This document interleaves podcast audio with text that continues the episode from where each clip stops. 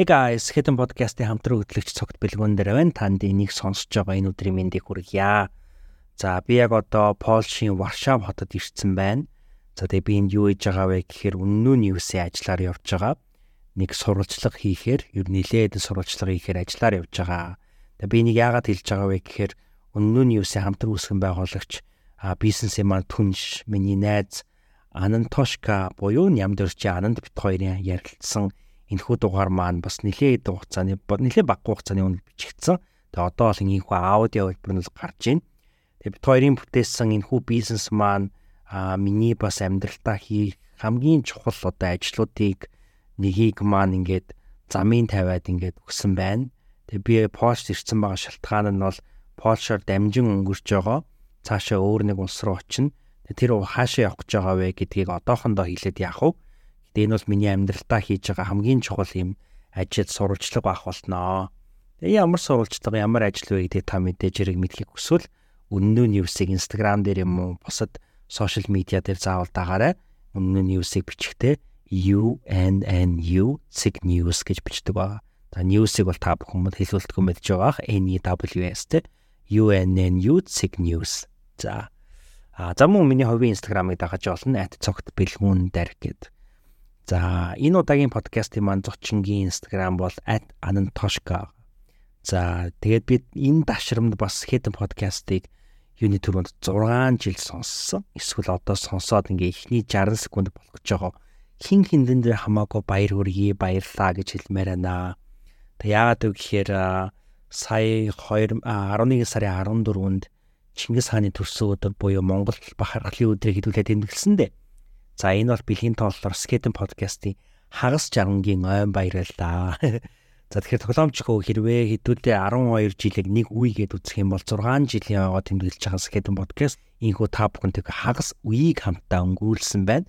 Тэгэхээр та Skeleton podcast-ийн нэг дугаарыг сонссон, нэлээд хэдэн дугаарыг сонссон, 1 минутад сонсч чадаагүй хайж байгаа бол хамаагүй бүгдэнд нь л баярлалаа. Ягаад тэгэхээр Skeleton гэр бүл гэж манай одоо энэ Skeleton podcast-ыг сонсдог community хэлдэг. Энэ гэр бүлийнхаа ачаар би бол асар ол зүйлийг амьдралтаа бүтээж чадсан гэж боддог. Энэ подкастаа өөрийн үнэн чанд тайвнатайгаа хамтарч 6 жил хөтлөлөө. Аа маш гайхалтай комьюнитиг та бүхнийхээ хүрээнд бий болголоо. Өнөөдөр миний бусад одоо ажлууд гэсэндээ Skeleton podcast л шууд холбоотой. 58 2 аудио подкастыг оруулахдаа урд нь юм интро бичиж оруулдаг видео подкастуудаас нэлийн ялгаатай. Тэгээ би яг одоо нилээн ядарсан байна. Хоёр удаа нислэгээр нисээд дундуур нь транзит хийгээд Стамбулын онгоцны буудлын дээр бас нэлээд удсан. Тэнд бол нэг интрого бичсэн. Тэгээд харамсалтай нь аудионы чанар нөгөө амар шуугантай аэропорт дээр айгаа муу олж исэн. Гэтэ яг гоё исэн бичсэн нь өөр амар гоё исэн. Яа тэгэхээр би хамгийн анх ингээд Ямин 8 подкастыг ингээд эхлүүлээл 7 хоног болгон тасралтгүй подкастаа гаргадаг байлаа. Амар хоолой өвдсөн амар бие муутай болцсон мөртлөө л би хамаагүй ингээ подкастаа ингээ биччихсэн. Бүр ингээ ямын 8 гээд бүтэн өөрөө соолоод дугаар биччихсэн аахгүй. Тэр зэрэг яг тэр мэдрэмжийг бас дахиж юу н авч үзэх гээд онгоцны буудлын дээр бичсэн. Тэгээд яалчгүй ауди чанар бол бүр авахааргүй муухай юм болчихсон. болохоор ингээ дахиад варшаад бичиж сууж гин. Ауди подкастныхаа урд ингээ нэгд нуршаад эхэлсэн юм чинь бас нилээн урт нуршчий тэгээд та бүхэн маань хэрвээ нуршаад ах юм бол газ гүйлгээд урагшаага очиж болно. Гэтэ би энд юу хэлмээр байна гэхээр скетинг гэр бүлээ би маш их баярладаг. Энэ подкастын тусламжтайгаар би олон найз нөхөд хүрээлэлтэй болсон. Америкт би 8 жил амьдарч ажил сурч байгаад ирсэн мөртлөө Монгол төдийгөр дэлхийгээр дүүрэн найзуудтай, найз нөхөдтэй таньдаг хүмүүстэй болсон байсан. Тийм ч болохоор одоо бусад одоо над шиг Америкт ч юм уу гадаадад утсан, эсвэл надаас илүү утсан, эсвэл арай бага утсан хүмүүс Монгол руугаа буцахад амар төгшөөд нэг асуудал байдаг нь таньдаг хүмүүс найз нөхөд байдаггүйгээс аяг болт юм бэл. Надад тийм асуудал ерөөсөө огт байгаагүй яагаад гэхээр Skeleton podcast-аараа дамжуулаад би олон хүнийг таньдаг болцсон, найзаас нөхөрлөхийг хүсдэг байсан хүмүүсээ подкастт ураад оролцуулсан, найзаас эхэлж байгаа хүмүүстэйгээ подкаст подкастт урж оролцуулаад айгүй утга учиртай яриагаар найз нөхөртөөгөө ингэж ярьж эхлүүлсэн болохоор тэр нөхөрлөл маань одоо хүртэл айгүй хүчтэй ингэ явж идэг ч гэх юм уу За тэгээд та бүхэн нааг сонсдог, таньдаг, гудамжин таарад мэдлдэг энэ бүхэн бол ингээд надад асар их юм урмыг өгдөг байсан болохоор Монголдо ирэх бол надад асар их тийм гоё байсан. Тэгээд одоо Монголдо ирээд ингээд 2 жилийн нүрийг ингээд үдчлээ ер нь бол. Тэгээд энэ 2 жилийн хугацаанд бол өөрөө хүний төлөөж ажиллаж үзлээ, өөрийнхөө бизнесийн төлөөж ажиллаж үзлээ. Тэгээд асар их зүйл ингээд сурж байна. Тийм болохоор та бүхэнд зөндөөх баярлалаа. За подкаст хийхээс гадна би өөрөө подкастын үнэнд сонсогч ясаар ирсэн. Тэгээд анх ингээл Америкт бол подкаст бол намайг очиход Америкт очиход бол подкаст гэдэг зүйл аль хэдийн ингээд амар байр суурь олцсон. Ингээ бэтгэл зүйл болцсон. Гэтэл Монголд бол подкаст айгүй цөөхөн байдаг байсан. Тийм ч болохоор ингээл Нямин 8 Монгол подкаст Сэхэтэн Монгол подкаст гэх ингээл Монгол подкаст гэдэг нь аягүй тодтогч өгдөг байж билээ. Яагаад тэгэхээр угсаа өөр Монгол подкастыг бага учраас ингээд хей Монгол подкаст хийгээд шүү сонсоорой гэдэг мэдрэмжийг өгөхгүй. Амар олон подкаст сонсдог байсан. Бизнесийн подкаст, ховгоны үйлчлэлийн подкаст, гимт хэргийн подкаст гэл тэ. Тэгээд өөрийнхөө бас найз Батөргөлтэй нийлээ бит хоёр нягтлав гэдэг тайлбарлах контентыг эхлүүлж ирсэн. Тэгээ энэ тайлбарлах контент маань явсаар агаад өнөөдрийн бас бидний нэг жил ингээд бий болгож байгаа Үннүү News гэдэг компани суурийг нь бол тавьж өгсөн. Үннүү News бол тайлбарлах сэтгүүлцэн хэл мэдээллийн хэрэгсэл. Тэгээд энэ бизнесийг эхлээд хамт байсан одоо ч хамт байгаа түншүүдийн маань нэг бол энэ удаагийн подкастын зочин миний найз Нямдорч Ананд. За та бүхэн түрүүний түрүү хэлсэнчлэн Антошко гэдэг нэрээр нь танина. Анд 2 анх 2015 билүү 2016 онд Америк оюутан залхуусын дунд зохион байгуулагддаг. Над хэлэх үг байна ихтгэлийн тэмцээнээр танилцж байсан тэр үеэс хойш дотн найдалцгааж явсаар 6 жилийн дараа өөрсдийн хүсдэг байсан бизнесээ бол эхлүүлцгээс нь түүхтэй. За хэдий одоо цаасан дээр ч гэдэг юм уу ер нь ингээд альбан байдлаар бол одоо анд тоор ингээд бизнес түншүүд ч гэсэндээ үннүү ньюсыг бол ингээд бүтээхэд манай найзуудын хүрээлэл одоо энэ бол ингээд зүгээр бид бүхний юм хамтын коллектив хүсэл мөрөөдлийн биелэл юм шүү. Тэгээд үннүү ньюс ер нь яг ямар төвд яг ямар хүслээс бий болсон те ягаад үннүү ньюс гэж нэрлсэн уул нь ан юу ахгүй тэр ньюс үг юм. За тэгээ Америкт сурахаар одоо бит хоёр ингээд тус тусдаа явсан. Тэгээд дөнгөж 18 17 дэх хүүхдүүд ахлах сургуулаад төгсчөөл Америк явж байгаа шүү дээ. Тэгээ 2 3 жилийн дараа буюу ингээд 20 иргэм насны ер нь хүүхдүүд хിവэрэл байгаа. Тэгээ энэ гинэн цагаахан зоригтой сэтгэл тэнүүн юу гэдэг чи яг ийм үе дээр Монголдо энийг хийчихвэл гэж одоо юу яг ананд шин бодож исэн бэ те тэр нь надтай яаж юм. За тэгээ анд маань ер нь яагаад Монголдо буцаж ирэхээр болсон юм те.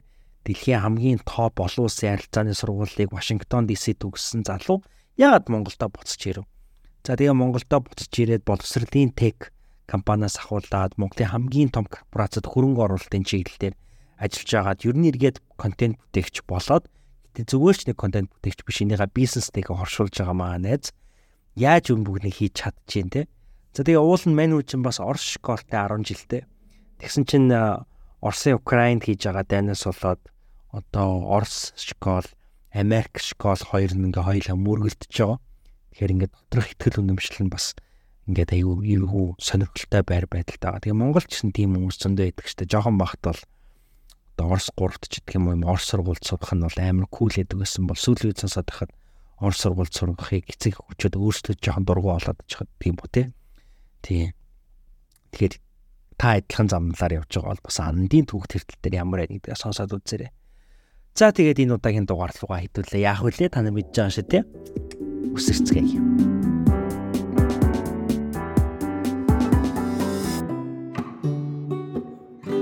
Special episode. За за за эхлэе. За. За. За сайн байцгаана сонсогчдоо бас үзэгчдээ Skeleton podcast-ийн хамтран хөтлөгч өнөөдөр би Анандтай сууж гин. За Анандт хоёр болохоор бизнес хамтрагчид, найзууд, түншүүд тийм байгаа. Тэгээ бид хоёр болохоор Unnew News гэдэг ийм хэвлэл мэдээллийн хэрэгслийг хамтран үүсгэн байгуулад одоо жилийн хугацаа өнгөрч байгаа тийм. Тэгээ зарим нь мэдхээр үннүү news. Тэрийг би чамаар яриулнаа. За за окей. Тэгээд ямар ч хэлсэн бид хоёр өнгөрсөн нэг жилийн турш ер нь бол үннөөг байгуулахад жаргалтай, зовлонтой, хөгжилтэй, гонигтай ийм өчүүд юу байв гэдгээ ер нь бол хуваалцах байгаа. Би бол амар тийм чөлөөтэй ер нь баг хоёлаа нэг тийм. Ер нь бол нэг юм жоо дотно. Тэгсэн мөртлөө бас амар үнэн бас ингээ би биедээ хэлж чаддгүй мөртлөө. Ягаад чи контент дээр хилцэн ч юм шиг те. Зэрэг гараа хилцэн. Тийм юмнуудаа бас хэлээд явал бас гоё дурсамж болж үлдэнэ гэж бодож байна. Зөвөр уудлаа хийж байгаа юм шүү Тийм уудлыг. Гэтэ уудалж чадах нь сайн мэдэхгүй байна. За тэгээ ямар ч гэсэн өнөөдрийн дугаарыг бас хамтдаа төрүүлж алах нь урайтай Unitel группийнхан маань ивент гэсэн юм дугаар агаад Unitel-ийнхэндээ маш их баярлаа. Хувьд бол байнга Unitel барьдаг. Unitel-ийн үнэнч хэрэглэгч тийм болохоор би өөрөө аяга хаппи байгаа. За тэгээ хоёлаа подкастт орох уу. Окей. Андыг бол ер нь ихэнх хүмүүс угаасаа мэдж байгаа ах л та. Аа тэгээ тийм болохоор би нэг ийм асуултаар эхлэе гэж бодсон. Сүүлд чи өөрийнхөө нэг андын community chat живүүл Instagram дээр идэг. Real Talks Daily with Anna Toshka. Аа, Тэгээ тэрэн дээр нэг айгу гоё чи ингээд ийм ийм сэдвүүд байна. Ялангуяар нь контент хийвэл та нар таалагдах уу гэдээ асуусан байсан шүү дээ. Тэрэн дээр adulting with Anand гэдэг нэг контентын санаа байсан шүү дээ. тийм биз. Тэрийг харчаа надад ямар таалагдсан аахгүй юу. Тэгээ яад үг гэхээр ингээд аа баг тинейжер байх үеэсээ ч юм уу хүүхэд байх үеэсээ чамтай хамт байсан контент үздэг хүмүүс амар их байгаа. Тэгээ одоо чамтай нийлээд ингээд хамтдаа ингээд том болоод адалт болоод ингээд явж байгаа тий. Тэгэхээр баг бүхэл бүтэн нэг нэг үе ч юм уу хоёр ч юм уу үе ингээд чамтай хамт ингээд явж байгаа болохоор бас нэг амьдралынхаа тухайн мөчтөр өөрөө бас нэг адалт болох гээд байгаа шүү дээ. Тэгээд нэг юм социологчдын үзэж байгаагаар ингээд адалт буюу насанд хүрэн гэдэг нь дээр үед болохоор нэг 18 ч юм уу 16 байх үед амар зөгтөг байсан. Одоо болохоор орчин үед ингээд энэ капитализмаас болоод бидний энэ их мэдээллийн нийгэмнээс болоод ер нь адалт адалт байна гэдэг бол айгүй юм хожуу ихэлдэг болсон. Тэгээд тэр ч утгаар одоо Америкийн жензинер бол ингээд аав ээжийнхаа гэрээс салхаа үлдсэн гэдэг ч байгаа шүү дээ. Тэгэхээр миний эхний асуулт болохоор ер нь ананд хизээ насанд хүрсэн яг адалт болсон гэж өөрийгөө бодож байна. Тэг яг тэр мөч тэр юм эргэх эргэлтийн цэг нь ер нь юу байсан гэж бодож байна. Нэг л мэдхэд анд адалт болцсон байсан тэрний зэв. Вау, зөөст амар асуулт шүү дээ. Окей, за миний бодлоор чамаг ингэж асуунгууд найсан зүгээр шууд л ингэж би яг хоёр амьдралын мөч орж ирнэ. Тэгэхээр миний бодлоор би яг хоёр удаа адалт болсон болж байж магадгүй гэж зүгээр бодож байна. Хамгийн эхнийх нь адалт болсон нь болохоор мэдээж би яг 10 жилээ төгсөөд тэгээд гадагшаага их сургуульд явсан. Тэгэхэд ер нь бол яг хав мэдээж нөгөө юу юугаач мэдэхгүй сургууль их сургуулийнхаа кредит гэж юу гэдгийг ч мэдэхгүй. Дотор бүр тохиол аа за за ер нь 4 жилийн хугацаанд нэг 120 оноо зөвлөх юм байна. Нэг хичээл нэг ойролцоогоо 3 оноотой байд юм байна. Тэгээд оноо гэдэг ингээд зөвлөлээд тах юм бол хамгийн сүүлд нь баг трофи аваа шагнал аваа. Тэгээд дуусна юм байна гэдэг. Баг тиймэрхүү ойлголттойгоор ямар ямар ч мэдлэггүй мэдээлэлгүйгээр гадагшаа сургууль явсан. Тэгээд тэнд очоод яг л нөгөө ганцаараа амьдарч эхлэнгүүд л бүх хариуцлага тий би өглөө унтвал хичээлдээ явж чадахгүй бол тэр миний хариуцлага тий Эсвэл тэн дээр очиод би олигтой нэг хоолоо өөрөө хийгээд идчихэдахгүй өдөр болон гой мэдээд тэгээд би юм утахгүй тэр бас миний хариуцлага тий би гэртээ яж байгаа 0-д сууж байгаа 0 цаас дуусчих юм бол that's also fucking my problem байхгүй тий миний хариуцлага асуудал. Тэгээд тийм болохоор тэр хариуцлага гэдэг юм амар орж ирээд тэгээд би айгүй их адалт басна гэдэг нэг өөрөө амьдралынхаа сонголтыг өөрөө хийгээд өөрөө тэр сонголтынхаа үр дүнд нь буюу түүнээс гарах үр дагаварт нь эзэн байх шаардлагатай болсон тийм үед би яг өөрийгөө адалт болсон юм шиг надад санагддаг. Тэр бол яг ингээ би хувь хүн өөрөө адалт болсон гэдэг. Гэхдээ яагаад хоёр дахь удаа адалт гэдэг юм орж ирсэн бэ гэхлээр хоёр дахь нь бол миний хүү төрөх үед юм болов. Миний хүү төрж төрөхөд яагаад надад адалт болсон санагдсан бэ гэхлээр би яг амьдралдаа анх удаа би өөрөөсөө өөр нэг хүний амьдралыг хариуцж байгаа тэр хүний сайн сайхныг хариуцж байгаа гэдэг тэр бодол надад амар хүчтэй орж ирээд тэгээд одоо би чинь бас шал өөр төвшний адалт биш те зөвхөн өөрөө өөрийгөө зохицуулаад болчдөг те өөр өөрөөгөө байсаал ингээ сайхан өөрөө ингээ явж исэн бол одоо надад чинь өөр нэг хүний талаар санаа зовж бодож ингэх тийм хариуцлагатай үерж юм байна гэдэг бодлоор тэр миний хоёр дахь удаа адалт болсон юм байна. Тэгэхээр нэг нь бол 17-тай нөгөөх нь би ч одоо 22-тай гэсэн. За би бол чинийх хараад нэгдүгээр төвшний адалт дээр. Тийм байх нь шүү дээ. Гэтэ битээр бас арай жоохон өөр өөр төрлийн адалт гэж байна. Тийм мэдээж нэг компани фаундерууд ч бас айгу олон өөрийн хариуцлага бас өрдөг тий. Аа би нэг нилээн дээр үед орсомж ингээд санах юм бол би чам руу ингээ Америкт байхад би Миннесотад чи DC-гийн хаана нэлээ? Вашингтон DC яг уу яг Арлингтон л. Арлингтон тийм. Тэгэхээр чи Арлингтонд байхад би нэг орой за чам руу залгасан чинь чи над руу надад тэгжээс ахгүй. Ман чин дөнгөж сая рестораныхаа ажлаас ингээд дуусчаад амар ядарсан байж гинэ гэд. Тэгээд яг хөө би энийг юус асууж байгааг байх л та. Ер нь бол ингээд хүмүүс яг хөө чамаа танихгүй мэдхгүй хүмүүсийн төсөөллөөр бол өө ананд бол нөгөө инээдэг хөхт штэ. Тэгээд айгүй тийм нөгөө silver spoon гэдэг үл юу гэдэг вэ? Амдан бүх юм нь халбагдчих өгсөн мөхсөн гэл нэг тийм хөнод би чиний комментуудын доор амиг харж ирсэн аахгүй. Гэтэл миний мэддэг ананд бол ингээл тухайн үед тэгэл өө мэн чи цагийн ажлаас ирч амир ядарсан байж гэн гэл ингээл нэг тийм ярьж ирсэн. Тэгэхээр яг зүгээр чи Америкт хамгийн их зовж исэн нэг тийм ч юм уу эсвэл ер нь ийм хар ажил хийж исэн нэг ер нь бол за яг ёо амьдрал гэдэг чинь бас өөрөө л үүхгүй болохгүй байна гэсэн яг тэр нэгдүгээр үеийн адаалтынхаа бас нэг дурсамжийг сэргээж ярил юу байна? 17 одоо очиж исэн гэдэг чинь яг үнэндээ түрүүний миний хэлдгээр насан туршаагүй бас хүүхдэл хэвээрэл явж байгаа шүү дээ Тийм тийм. Одоо ер нь би бас өөрийгөө бодглохлоор яа 17 тахад би гадаг шиг ганцаар явцсан нэг бодглохлоор бас амар жоох явцсан санагддаг шүү. Тэгээ одоо бол нэг 20 дэжтэй тий бас ингээ бодож байхад үу 17 тэгээ баараа беби яг хүүхдэр гадаад явцсан байхгүй. Тэгээд тэнд ч очихлоор бүр ингээ хэцүү нөгөө байрны түрээсийн гэрээ их гэдэг ингэнгүүт аа ууч нас тийм насанд хүрээгүй юм байна болохгүй юм байна. Тэгээд тэгээд тийм учраас чамтай заавал онгоцонд яаж суусан тэгээд. Одоо яг онгоц бол болдог юм билээ. Онгоц 10 тийм 17 дүүд бол явчихдаг. Аа тэг нөгөө сурагчийн виз мэдтэйсэн болохоор аяулсан баг л та. А яг тэр байрны төрөөс мөрөөс их гэрэмэр их болтгүй юм билээ ш. Тэгээ би бүр тэнд дэдэ таны хичээсээ гууж мууж агаад тэгж гэрээний хин тэр хийж мэжсэн хажуураа төрөөслөө. Тэгээд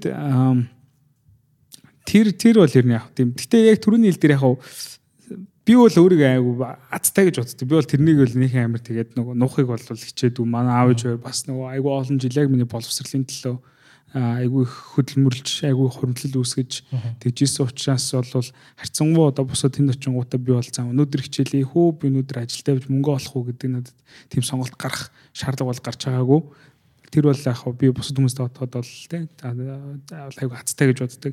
Гэхдээ тэглээгээд нөгөө бүх юм амар амархан бол байгаагүй.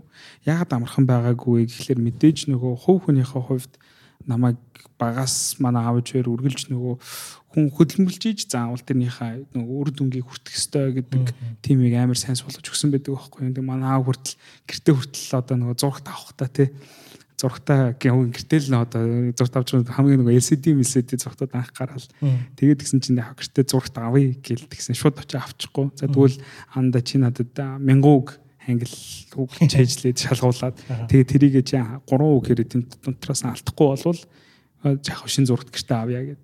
Тэгж хэлж ийж надад тийм гэртээ зурагт авчихсан.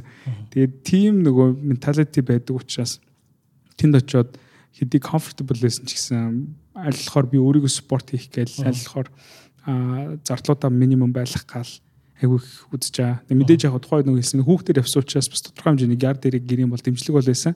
Гэхдээ тэрэн тодонд чинь аа за тэгвэл би чинь энийгээ өдөрт хоёр идэхгүйгээр нэг идчих юм болвол би чинь бас мөнгө хэмжих юм биш үү гэдэг бодолтой. Аа тэр чинь айгүй тийм хэцүү юм. Би өөрөө амар мөнгө боллоо. Мөнгө өөрөө мөнгө олцсон ч хүн чинь амар тэнд сэтгэл гой амар байдаг шүү дээ. Би өөрөө олцсон чи өөрөө тэр яадаг чинь. А яг ихний ээлжинд бол яг аавж өрөөс авч байгаа үед тэрийг үрх айгу тийм сэтгэлд айгу гэлти тийм учраас айгу хэмх тэр юу бол ер нь жоохон хэцүү байсан. А тэгээ тэрний дараа болохоор ер нь өөрөө ажиллаа хийгээд өөрөө мөнгө олоод өөрөө өөрийнхөө бусад хэрэгцээний юм тийм спорт хийж эхэлдэг болсон. Тэрний гэхдээ айгу хэцүү байсан юм. Миний хичээл яг тэр жил айгүй тийм эрт ордог гэсэн өглөө баг 8 10 гэж орно. Би гэрээсээ баг өглөө 6 хагас гэж гараад 8 10 үеийнхээ хичээл тийм манай тийш 2 цаг метроор явдаг. Тэгээд 2 цаг бол метроор очичоод хичээлдээ суучаад өдөржингөө суугаад нэг нэг байна 2 үе таардаг. Тэгээл 2 үе тарангуудаа 4 цагаас миний оройны шифт эхэлдэг. Тэгээл оройны шифт очивол нэр стандарт очил нээгээл тэгэл нээгүүд нөгөө хамаг тэр хаанхын ямар ресторан тэр дээр болохоор би хэд хэдэн газар ажиллаж ирсэн. Гэтэ хамгийн удаан ажилласан нь болохоор Friendship Heights гэдэг газар DC дэдэг Lias гэдэг нэртэй ресторан биш. Тэнд манай дүлгөөнөө гэдэг нэр хэрэг үзэж байгаа бол танк дүлгөөнөө. Намаа тэр газар ажил оруулж гисэн. Айгүй тийм хай нөгөө класс амар тийм нөгөө upscale тийм ресторан байсан аах. Тэгээ тэн дээр болохоор айгүй хариуцлага юм ихтэй. Тэгээд зөөгч хийсэн гэсэн. Зөөгч хийжсэн. Тийм service. Тэгээл тэндээ нь очивол зөөгч хийж ажил юу нас их штэ. Хүмүүс чи зүгээр нөгөө дан захиалга авна гэж бодвол очив. Тэгээл нөгөө орон цэвэрлэгээ хийн ядчил нөгөө бүх халбах сэрэнүүдийн бүгднийг нь ороо мороо гэл. Тэгэл хаахтаа чи их ажилтай, нэгтэй ч их ажилтай. Тэгээд тэнд чинь баг орой ороод баг нэг орой 10 мар үед хаагаал дуусгах нь. Орой шүн гэртээ баг нэг 12 гэж л орж ирнэ. Тэгэл 12-оос орж ирэл шүн баг нэг 2 2 3 хүртэл хичээлээ суугаал. Тэгэл унтаал маргааш өглөө. Тийм процесстэй хэсэг нэг давтаж явсан. Тэр семестр жоохон өмнө семестр байсан юм уу? Яа. Гэтэл бол гайгүй. Би гэхдээ нэг ийм шүү. хүн нөгөө өөрөө биемийг аягүй тийм эргээр юу н хардаг. Тэрнээс илүү хэцүү моментууд байсан мэт магадгүй. Гэхдээ нөгөө хэр оргийн тийм моментуудыг нэг амар том асуудал гэж боддгоо учраас нэг тэгж амар зэрэг бодчих та тэр үст амар зовж исэн байна гэж бодох юм аягүй ховор эд надаа. Зөв зөв. Аа би өмнө нь нэг хоёлаа нэг ууланд талхаж байхдаа хэлжсэн баха. Хоёлагийн нэг юм төстэй зүйл нь нөгөө гэр бүлийн хүмүүжил айгу төстэйгээ ярьжсэн шүү дээ тийм Тэгээд чи түрүү хэллээ шүү дээ ингээд би олон уухгүй одоо манай аав ээж хоёр л ингээд хөдөлмөрлөөд миний боловсрал тасрыг хөрөнгө оруулсан гэд аа миний хувьд ч айгу төстэй байгаа даахгүй. Тэгээд мэдээч хэрэг ингээл тэтгэлэг энэ тэндээс аваад ингээл болох гол тэгээд заримдаа бүр одоо манай талига жимээгийн хүртэл ингээл тэтгэврийн зээлмэлээр ингээл сураал те. Тэгэл ингээл тэгсээр агаал ингээл дуусгачихсан. Тэгэхээр энэ бол нөгөө нэг it takes a village гэдэг нэг үг гэдэг шүү дээ. Бүхэлд нэг тосхон ингээд намайг боловсралтай болгосон гэдэг шиг. Аа гэхдээ би бас ингээд бүр өмнөх ингээд түүхээ ингээд харах юм бол би яагаад ер нь эхнээсээ ингээд одоо яг чамтай л адилхан ингээд 17 18 таатай Америк явсан байна гэд бодонгууд миний identity буюу миний нөгөө мөн чанар намайг тодорхойлох юмтай айгуу чухал юм байна. Тэгээ нөгөө маний чи ингээ Америкт сурж байхад ингээд бакалаврт жаахад ч тэр магистрт жаахад ч тэр чамч адилхан байж магадгүй ингээд what's your identity гэдэг асуултыг амар их асуудаг байсан. Тэгээ анхандаа болохоор окей би бол нөгөө гадаадтайгаа хүн учраас ингээ гадны хүн юм байна За би бол монгол хүн юм байна. Би бол эрэгтэй хүн юм байна. Би бол стрейт буюу эсрэг хүснээ сонирхдаг хүн юм байна гэл ингийн юмнууд бодож байгаа шүү дээ. Сүүлдээ ухаадсан чинь өө би чинь ингээд Улаанбаатар хотод төрж өсөхдөө хотын төвд өссөн юм байна. Манай ингээд өмнөх үеийн одоо аав ээж, эмээ өвөө бүгд өөрөө дээд боловсралтай байна.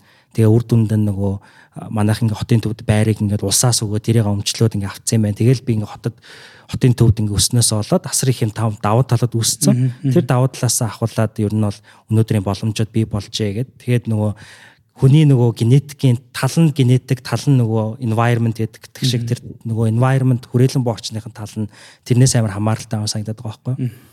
Яг нь энийг бол би бэлцэн асуулт гэж л яг чамааг ярьж байгаад л бодогдлоо. Чиний хувьд чамд ингээд хамгийн чухал ананд гэдэг хүнийг ингээд бий болоход нөлөөлсөн тэр identity энийг зарим хүмүүс мөн чанар гэж орчуулд юм билээ.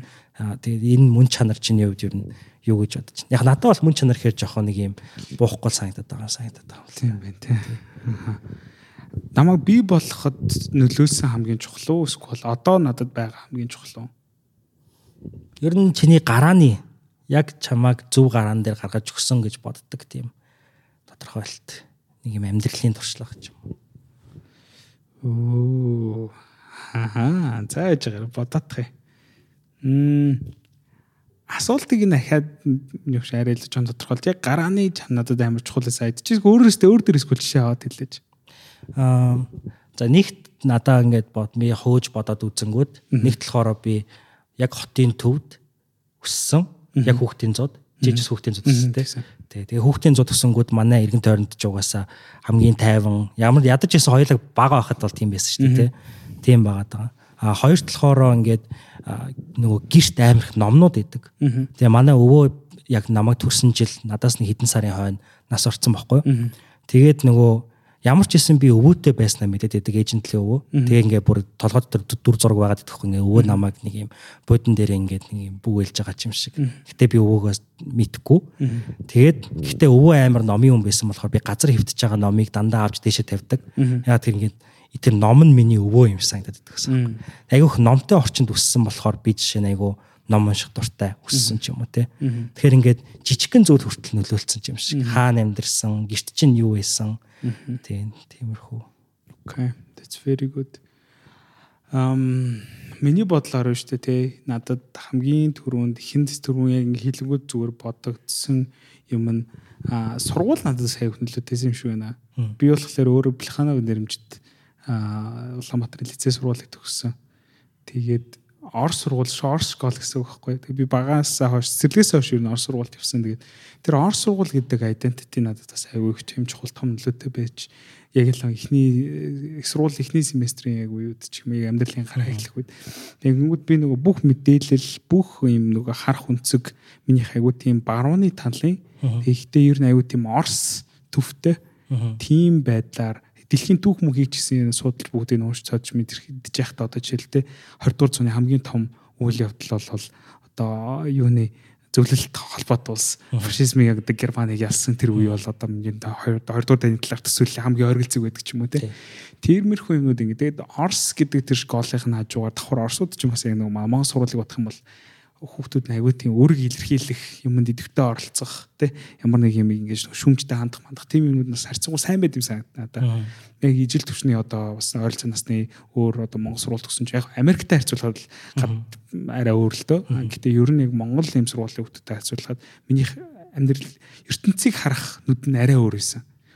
Тэр аягүй чухал юм санагдаж байна. Хоёр дахь нь өмгөөлөгчийн хүү гэдэг нь Тэр яг нэг өөд холбож ярьсантай адилхан манай аав өмгөөлөгч хуульч гэдэг учраас аав тэгэл орой ажилласаа олдож орж ирээд битээр толдог маш ховорхон цаг дээр аавар аягүй их тийм лекц уншдаг.